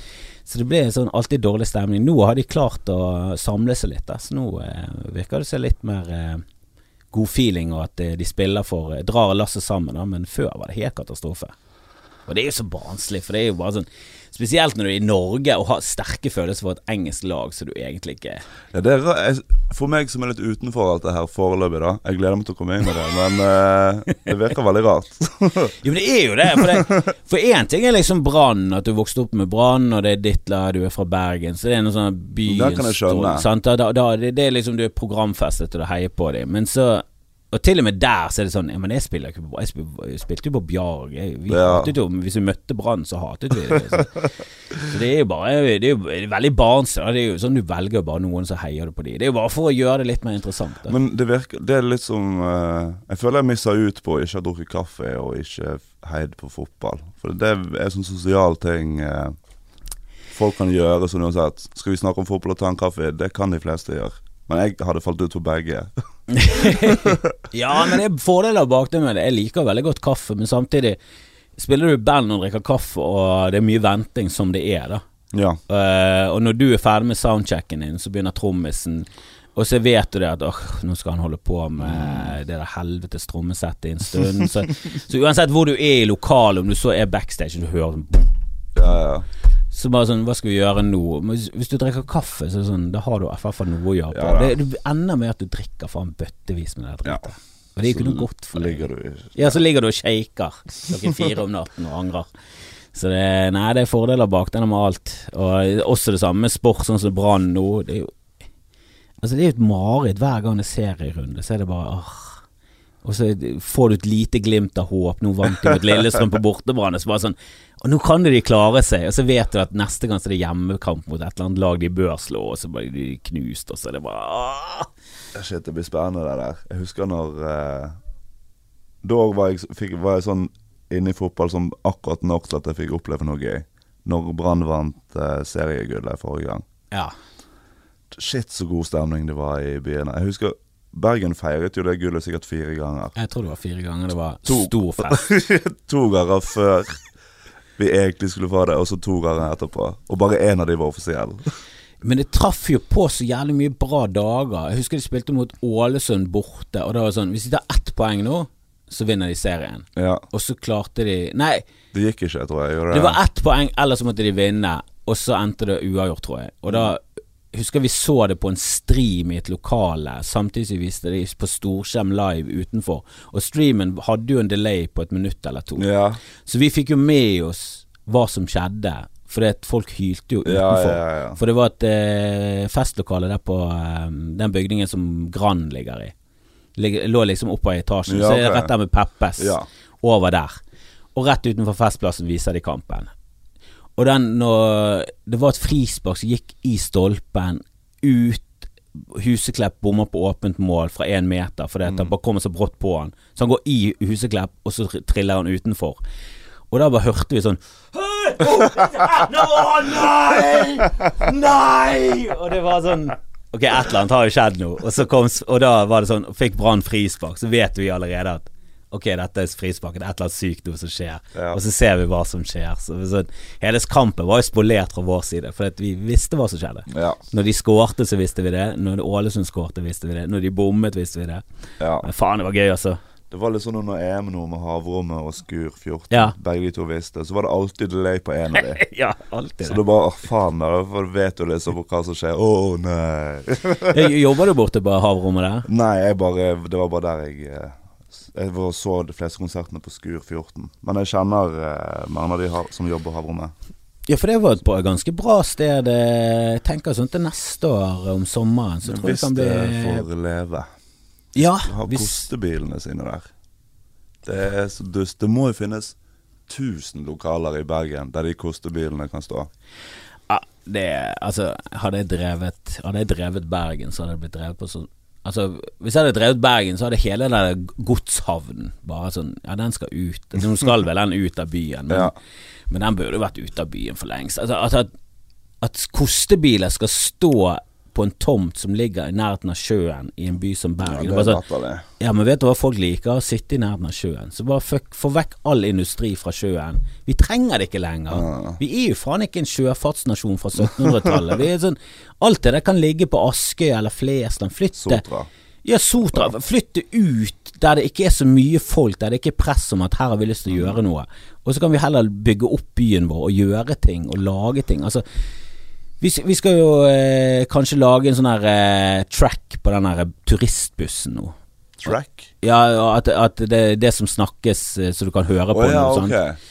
Så har de lyst til å lage en litt sånn mer sånn tullete og litt, litt mer humor Ja. inni det. Men der er det sånn Den strekningen fra liksom eh, eh, Etter fisketoget så kommer du inn Og bort mot Nordnes der? Ja, og ut mot Nordnes. Det er Der er det bare sånn strekk med ingenting. Ja, ja. Det det sånn Det eneste interessante her er at horene gikk her før. det er, that's it. Ja. Så du kan ikke bare ha et strekk på to kilometer der vi ikke sier en drit. Og der er det sånn havrom Så er det Skufjord. såpass midt i sentrum òg. Så det er latterlig at det ikke Ja, vi må utnytte alt det der. Og hvis, skur, hvis, det der er- hvis ikke Bergen kommune klarer å, å være mer behjelpelig der og, og legge til rette for at det Den der eh, havrommet var jo dritfett sted, og det var mer restriksjoner. Så var det Ja, fortsatt dritkult, liksom. Det har vært masse konserter hele sommer. Jo, det får de lov til å liksom fortsette, så kan de til neste år, hvis ikke det er noen restriksjoner, hvis alt er over og vi har kommet oss tilbake til noenlunde normalen, kan du ha konserter for 600-800 Ja. folk der og lage god stemning. Det er jo helt konge så mye som har skjedd med Det har jo skjedd, kommet mye nye venues nå. Da. nå åpnet jo Kulturhuset, og, eh, og der er det vel fire scener eller noe sånt. Hvor er det? Det er gamle Samme bygget som Inside, Ja, ja. ved siden av Superia der. Så er det kommet tre eller fire nye scener, tror jeg. Kulturhuset kaller de seg. Og det er sånn Jeg tror største har Nå vet jeg ikke, så ikke siter meg på det. Eller ikke, ikke google dere som hører. Men jeg tror det er 600 på største. Ja, for jeg er jo sinnssykt eh, Jeg er alltid på jakt etter eh, å, å vite om scener, og jeg elsker Sånne småscener er jo jævla ideelt. Ja, eh, det trengs. Ja, men både musikere og standupere. Alle trenger litt små scener. For det, Mm. vi har ofte noe som heter Humorlaboratoriet. Nå skal vi begynne med, med det borte på Dark and Stormy. Ha det Ja. ute der i bak, okay. bak, bakgården her. Det tror jeg kan bli ganske kult. Men du trenger liksom små steder der det er sånn Kommer det 30, så er det faen meg Det er dødsbra. Ja. Eh, for det er det du klarer på Humorlaboratoriet. Ah. Det er ingen som gidder å komme Eller det kommer aldri 400 stykker for å se folk teste ut nytt materiale, men, men du trenger liksom 30 stykker eh, som er litt sånn eh, over gjennomsnittet interessert. Da har du det. Det der trikset der er kjempebra, altså. Det er forferdelig. Og jeg har spilt så mange gigger i gigantiske lokaler, og så kommer det liksom sånn at det fylles en f- tiendedel, liksom. Og det bare ser så dumt ut. Ja ja, men det er jo sant? Men jeg husker Kosmos lå oppe med Fløyen. Der var det sånn Hadde du 20, så begynte det å bli Du kunne ha opp til 90. Men da var det helt sånn ko-ko eh, stappet. Da var det sånn at folk måtte liksom nesten ligge oppå hverandre. Hvor var det Kosmos lå nå igjen? Det var med rett nedenfor på Fløibanen der. Ja, hvis du går ned fra Fløibanen, så lå det på høyresiden. Det var et sånn sted der du måtte gå ned i kjelleren, så var det en sånn liten scene. Og den var liten. Stemmer, ja. Og det var så perfekt for oss. Ja. For det var så god stemning der. Det var lavt under taket. Det var, en, det var en god scene, og det var godt lokale, men det var bitte lite. Det var helt ideelt. Og det, ja. Du trenger de scenene der. Og så husker jeg var noen, noen gutter som heter Bare Moro Impro. Det er Christian Mikkelsen og et par andre som er liksom Nå har de kommet seg opp på TV-nivå og med i filmer og sånn, men de begynte der.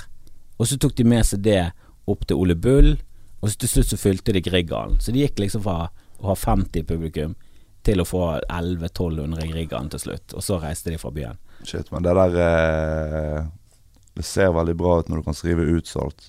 Selv om det er ingen som trenger å vite at det var 30 stykker som Nei, nei. Utsolgt er nydelig. Nå er i, i, Under korona så har jo alle band kunnet hatt utsolgt. Ja, det er så mye utsolgt. Det er så deilig. For liksom Alle kan skilte med utsolgt. For det, det var sånn På Sentrum Scene har de kjørt eh, gigger for, med 20 betalende. Ja. Store produksjoner og sånn. For, det er jo bra at de har gjort det sånn, men det må føles eh, Det må føles veldig rart. Ja, men der vil jeg nesten si at det er sånn Vi lider enda mer av det der enn dere. Fordi du er sinnssykt avhengig av responsen når du er Ja, det tenker jeg, ja. Eh, og eh, greit nok, det er kjipt å spille musikk, og så er du ferdig med låten, så har du sånn. Ja, og så vet du hvem du skal se på, for det er så få i lokalet, liksom. Men du har det i er- hvert fall gøy når du spiller, for da det Ja kan da. du ta det som en eh, øving. Jo da, selvfølgelig. Men faen, å stå i Det var jo folk som hadde i Grieghallen for 20. Mm. Shit, det er helt eh, galskap. Og hvorfor, må, hvorfor har du det der, da? Hvorfor flytter ikke man det til et annet mindre sted som året var 20? Nei, det hele ideen bak det var vel at nå skal vi holde Ja, hjulet i i gang, så det eh, sagt, Ja, eh, stedene skal få leie, teknikere som jobber der skal få vanlig lønn, dere Ja. skal ha med dere folk, roadies og sånn. Alle skal få pengene. Det var jo det som var tanken. Men det, det blir jo litt feil i media da når plutselig Kurt Nilsen har fått 13,6 millioner, og så tenker jo folk at han har fått de rett i lommen for å finansiere en eller annen fiolinhytte. Og bare sånn helvetes jævla rørleggeren skal snyte Snyte staten. Så er det jo sånn ja, Men det er jo litt sånn at dette har vanligvis vært noe han har tjent sikkert titalls millioner på.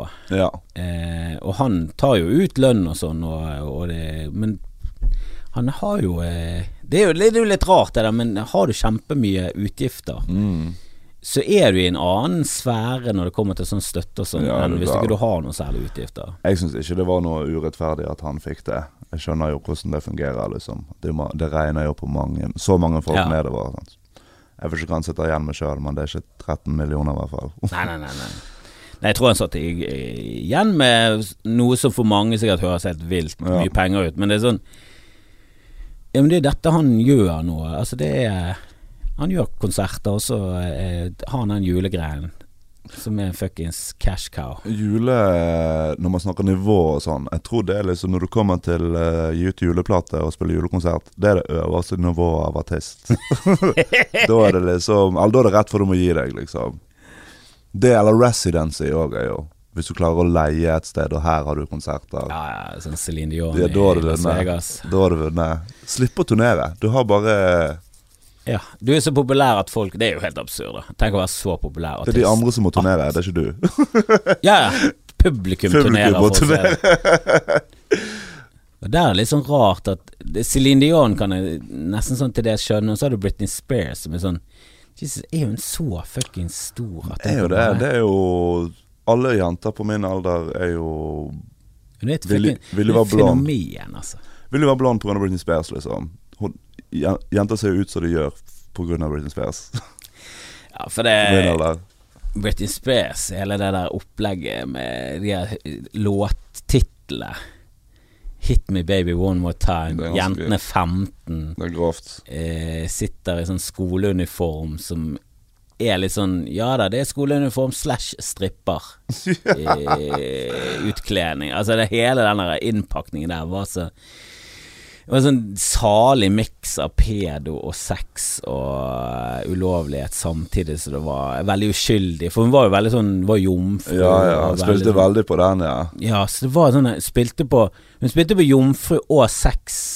Samtidig som låten het Hit Me Baby. Det var så mye der. Man får et veldig bra PR-objekt, Ja, ja. liksom. Og så er det Max Martin som sitter ja, bak. For et bra pakke sånn kommersielt sett. Hatten av for det, liksom. Ja, men Hadde det funket nå, eller hadde det blitt liksom for mye nå? Jeg tror det bare funka én gang, kanskje. Ja. De traff en eller annen salig miks av bra, eh, liksom. Det var liksom akkurat gått over. For hadde det skjedd på 80-tallet, så tror ikke noen hadde brydd seg. Nei. Det var sånn Ja, hvorfor skal ikke vi ha sex med 15 Ja, det er- ja. Alle har vel lyst til det. Hvorfor skal ikke vi det? Ja, det var- altså, I gamle dager altså, Når folk snakker om hvor ille ting er nå Bare sånn Jeg hadde hørt eh, sangtekster i gamle dager. Det var jo så galskap at det var helt hva heter han? Er Little Richard som er han som giftet seg med kusinen sin? Og 15 år. Eh, nei, det var Great Balls of Fire. Han eh, Jerry Lee Lewis giftet seg med kusinen som var 14-15. Ja. Eh. Elvis forlovet seg med Priscilla da hun var 14. Det var grovt. Eh, Little Richards tror jeg også hadde noe. Marvin Gaye hadde et eller annet. Alle! Og David Altså- Bowie òg har fått Altså Det er jo en grunn til at metoo aldri har nådd musikkbransjen. For da er det bare sånn Ja, men da må vi bare legge ned. Er det det dere vil? Da bare legger vi ned. For hvis vi skal begynne å Hvis vi skal begynne å grave i dette grumset, så kommer du aldri til bunn. Er du gal? Musikkbransjen er bygget på metoo. Hele, Hele hele, konseptet. hele fundamentet er jo kvinneundertrykking. Nei, det er så mye galskapshistorier derfra med Det er så mye unge Mye mørkt. Nei, Ja, det er så mye, og spesielt sånn fra sånn 50-, 60-, 70-tallet, tror jeg det. det Jeg er, du graver det. i de historiene der, og tror sikkert oppover på 80- og 90-tallet òg, så er det bare Det er så mye Det er så mye der at du kommer faen meg Det er ingen vits i. Nei.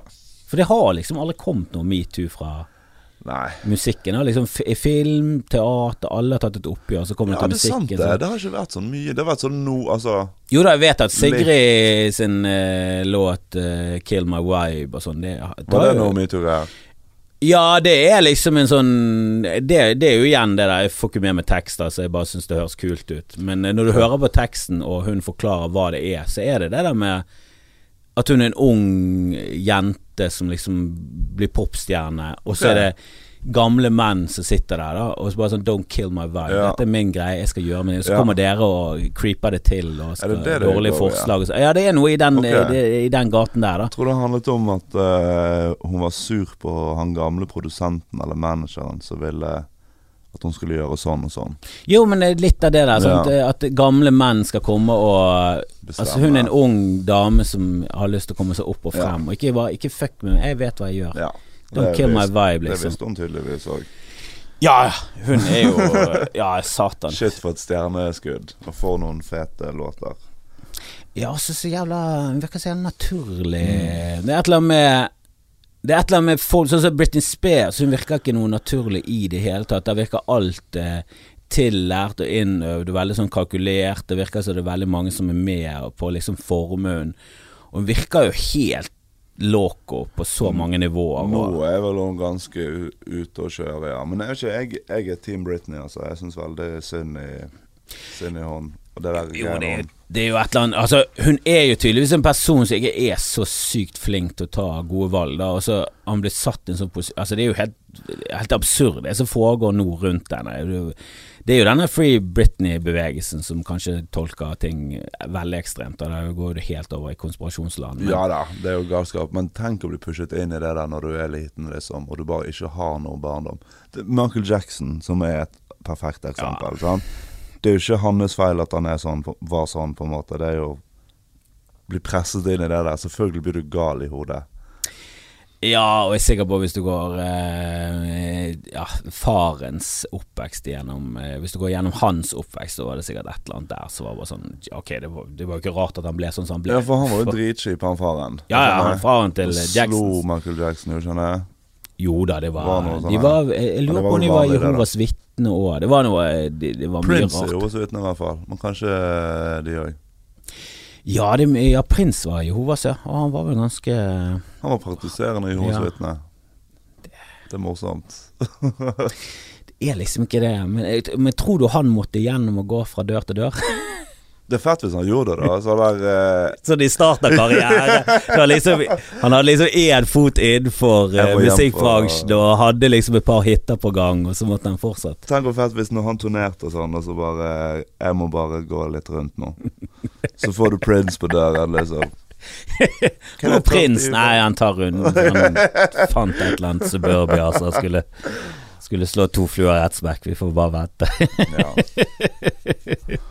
Nei, det var, det var mye trist i denne oppveksten til eh, Michael. Ikke at det unnskylder alt, men det kan i hvert fall forklare, da. Altså, når du er så fucket, Hvilken sjanse har du for å bli normal? Jeg tror når du ikke får være barn, så er det noe som skjer med deg. Jeg tror det er så få som Altså Til og med de som klarer det, sånn som Jodie Foster og sånn, som er sånn Hun slo igjennom når hun var Ja, barn. hun var jo unge, ja. har vært barnestjerne. Hun var liksom skuespiller fra hun var fire år. Og så er det sånn Og hun har jo klart seg. Så er det sånn ja, men når du ser intervjuer med henne Hun virker ikke som hun har et normalt liv. Nei. Hun er jo bare Hun er Hollywood, hun. Hun er film. Mm. Ja. Det er alt hun kan, det er alt hun gjør. Og i det miljøet der så er jeg sikker på at hun navigerer og klarer seg fint, men jeg tror hun er jo jeg skal, jeg, jeg blir veldig overrasket hvis hun viser seg å være veldig sånn jordnær og nedpå og normal. da. Ja, jo, jeg sa det. Jeg tror nok hun er også ganske fuckete. Jeg Tror Hollywood fucker deg, ja.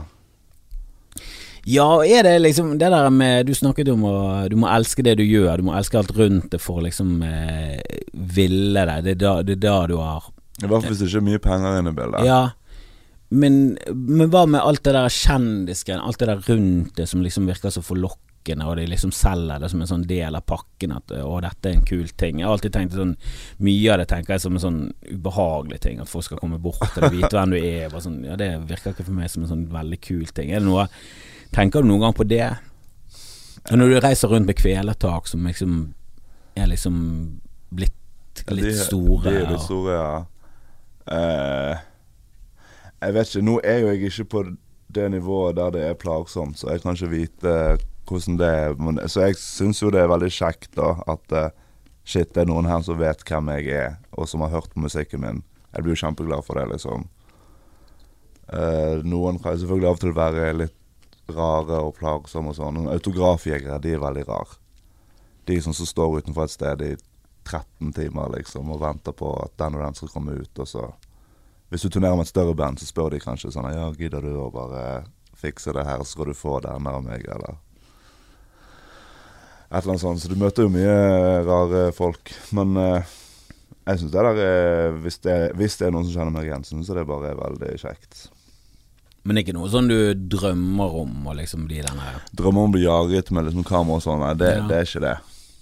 det, Men det er jo kjekt å bli spandert noen øl på Jeg, jeg, jeg syns alt det der er opp til et visst nivå er bare sånn Ja, men da er det bare positivt. Så lenge det ikke bikker over i at At det blir plagsomt. At noen plager deg.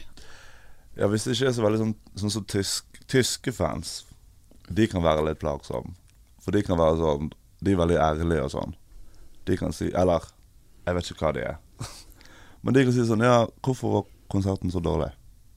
For eksempel «Eh, Nei, unnskyld, så syntes han var dårlig Ja, hvorfor, hvorfor spilte dere så dårlig i dag? Jeg har reist helt fra der og der for å spille Nei, for å se dere liksom Og da blir det sånn der, wow det er jo ingen andre som sier eh, De kan si sånne ting. Og sånn, ja, nye platen Ras. Jeg liker ikke den. Jeg liker den forrige. Den nye, jeg liker ikke den. Dere har mistet det. Utrolig. Og liksom har ingen skam over å si det heller. Forventer at det skal være god stemning etterpå. De tingene er jo litt uh, Ja, man får utfordret sitt ego på godt og vondt. Det er bra, det. Helt til slutt så kan vi Jeg, elsker Når jeg snakker, med komikere, så elsker jeg å høre om eh, Om de gangene de har gått til helvete, når liksom bomber og alt går, til, alt går drit. De, de, de, de historiene som er historier. For meg så er ikke en historie at Ja, vi reiste ned til Düsseldorf, så var det alt lå til rette, da. Fikk vi god mat før, og så spilte vi en konsert. Dritbra. Og så reiste vi hjem. Det er sånn Det er litt kjedelig, ja. Det er kjedelig, men Alle likte det, vi utsolgte, Ja, vi solgte likte det. Merch. Det er ingen vil høre om det. Men eh, de gangene går, Altså Har du noen sånn eh, skikkelig gå til helvete-historie fra turné? ja, vi har en Å, jeg har en så pinlig en. Ja, det er bra. Vi. Avslutter vi med den. Det er bra avslutning. Eh, jeg Liksom De som jeg har gått i klasse med på Askøy, på Ask på ungdomsskolen, de hadde mistet kontakten med de, sant? så de har begynt å få med seg at eh, jeg begynte å spille i band, og at det går litt bra. Vi spiller litt i utlandet. Ja. Sant? Det, det er litt greier. Så var det en fyr som bodde i eh, Han bodde i Leeds eller noe sånt. Og så har han liksom fått med seg at vi skulle spille der på den festivalen som var der. Og han var jo stolt og skulle komme og henge. Og, og dette beskjedet har Jeg ikke truffet han siden ungdomsskolen, liksom. Og så hadde hun vokalisten vår, da, som var med oss da. Hun eh, hadde en annen idé om at England var med i Schengen. Og at ikke man trengte pass i England. så hun hadde ikke hatt med passet sitt. Så når vi kom til flyplassen, så var det bare nei, du må jo ha pass. Så måtte måtte reise hjem, og så måtte ta et annet fly. Så vi reiste jo til England, alle vi andre. Og skulle liksom Vi skulle egentlig ha en gig da, men den ble flyttet, liksom. Senere på kvelden. og han fyren som jeg kjente, han begynte, møtte opp som Ja, hvor er resten av bandet? Og så bare Nei, de kommer, det skjedde bare noe sånn og sånn og sånn. Og så ble gigen flyttet tre ganger, tror jeg han ble flyttet den dagen. For de klarte å liksom OK, dere har drept dere ut, men vi klarer å fikse dette for det om dere får en spot. Og så etter mye kødd, og han har vært med oss hele dagen, han kompisen min, så skal vi spille. OK, nå skal vi spille. Hun hadde kommet, alt er bra. Så begynner, nå er det vår tur. Så begynner de å stenge ned venuen. Og da har han gått rundt og sett, og det er sånn at han ikke tror Han tror at jeg har lurt han, liksom. skjønner du? Han tror at kanskje jeg ikke spiller i band engang. og det var bare, jeg skulle liksom vi, jeg skulle liksom vi tøffe meg litt. sånn, Her går det bra, vi spiller i England på festival, og sånn så. Så bare var det den totalt motsatte opplevelsen. Og i tillegg så klarte jeg å bæsje meg ut, faktisk, på den, eh, på den turen. Jeg hadde ikke med meg noe eh, Ingen do. jeg hadde ikke med, private dasen, ikke, jeg hadde. Så jeg ikke med meg noe for skifte. Det var bare én dag. Det var rett over og tilbake igjen, liksom. Så det bare OK, da reiser jeg i Du bare har med meg det jeg reiser i. Og så hadde Pleide jeg å spise litt sånn pølser og sånn på tur, for det er damen hjemme hun som har fått meg til å bli vegetarianer. Ja. Men det var ikke fordi jeg ville det sjøl, på en måte, sant, i begynnelsen. Så når vi var ute på tur, så utnyttet jeg det der. Kjørte på Spiste pølser på alle bensinstasjonene og fikk endelig leve livet. sant?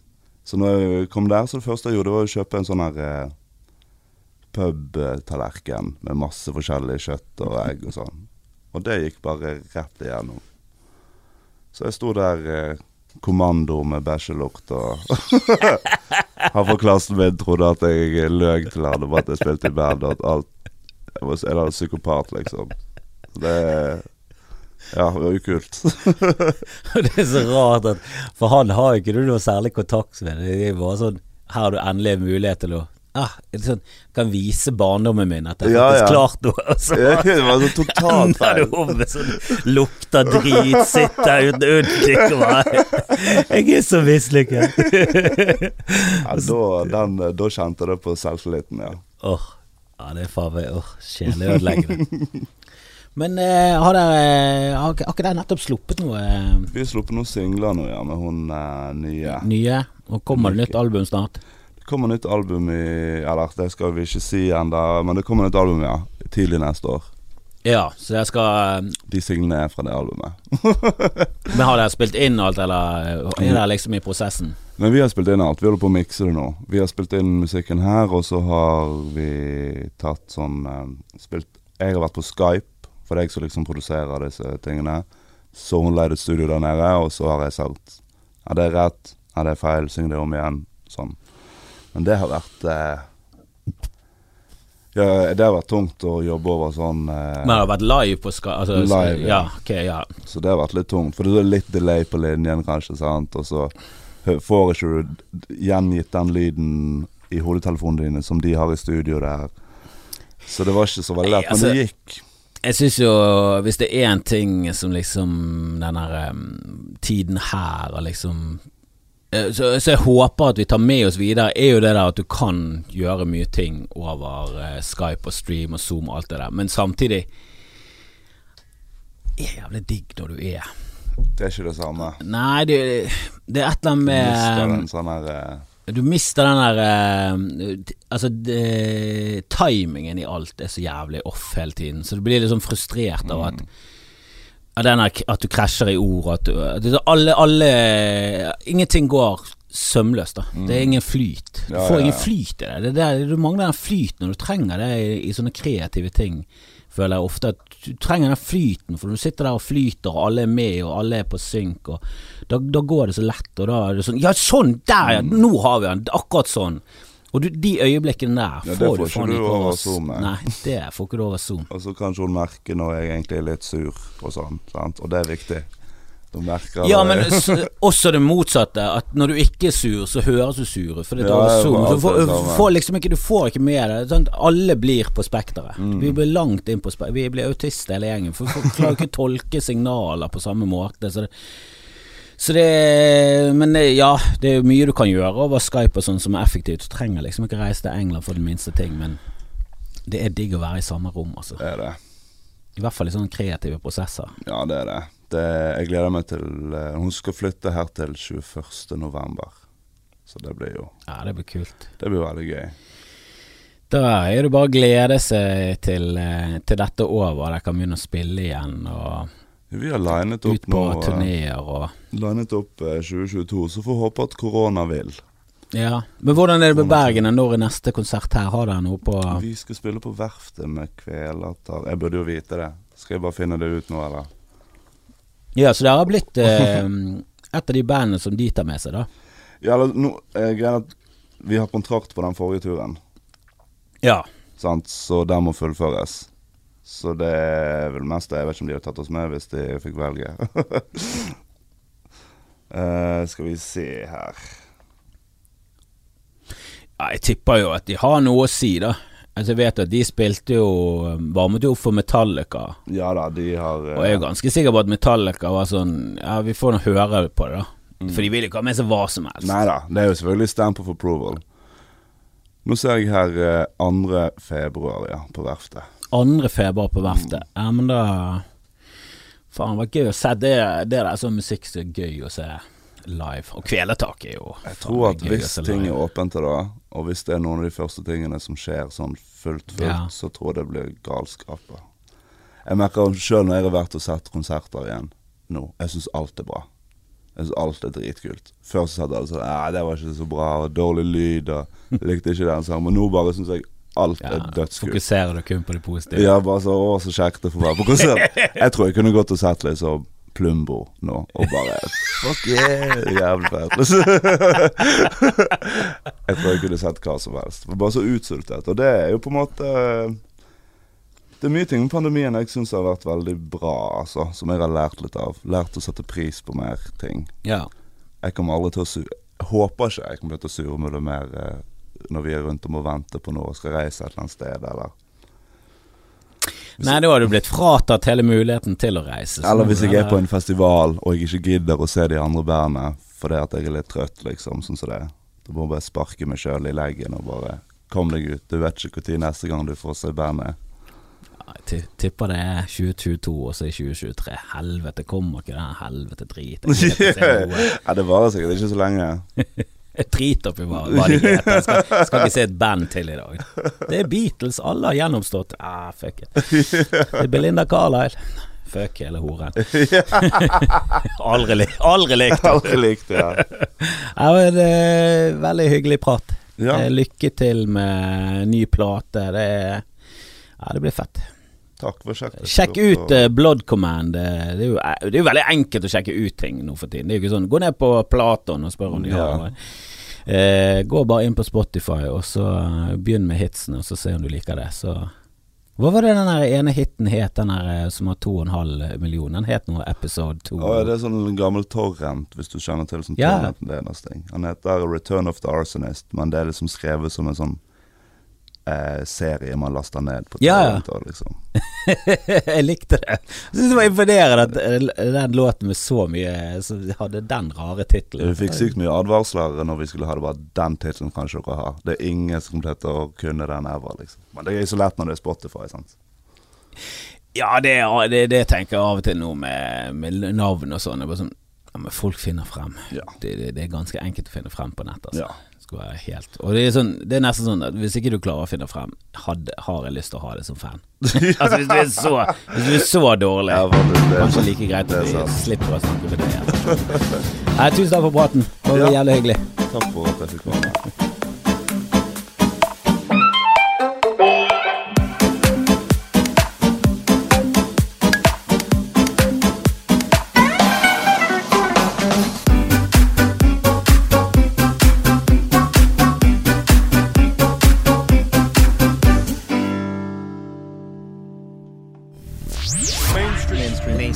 Mainstream mainstream mainstream mainstream mainstream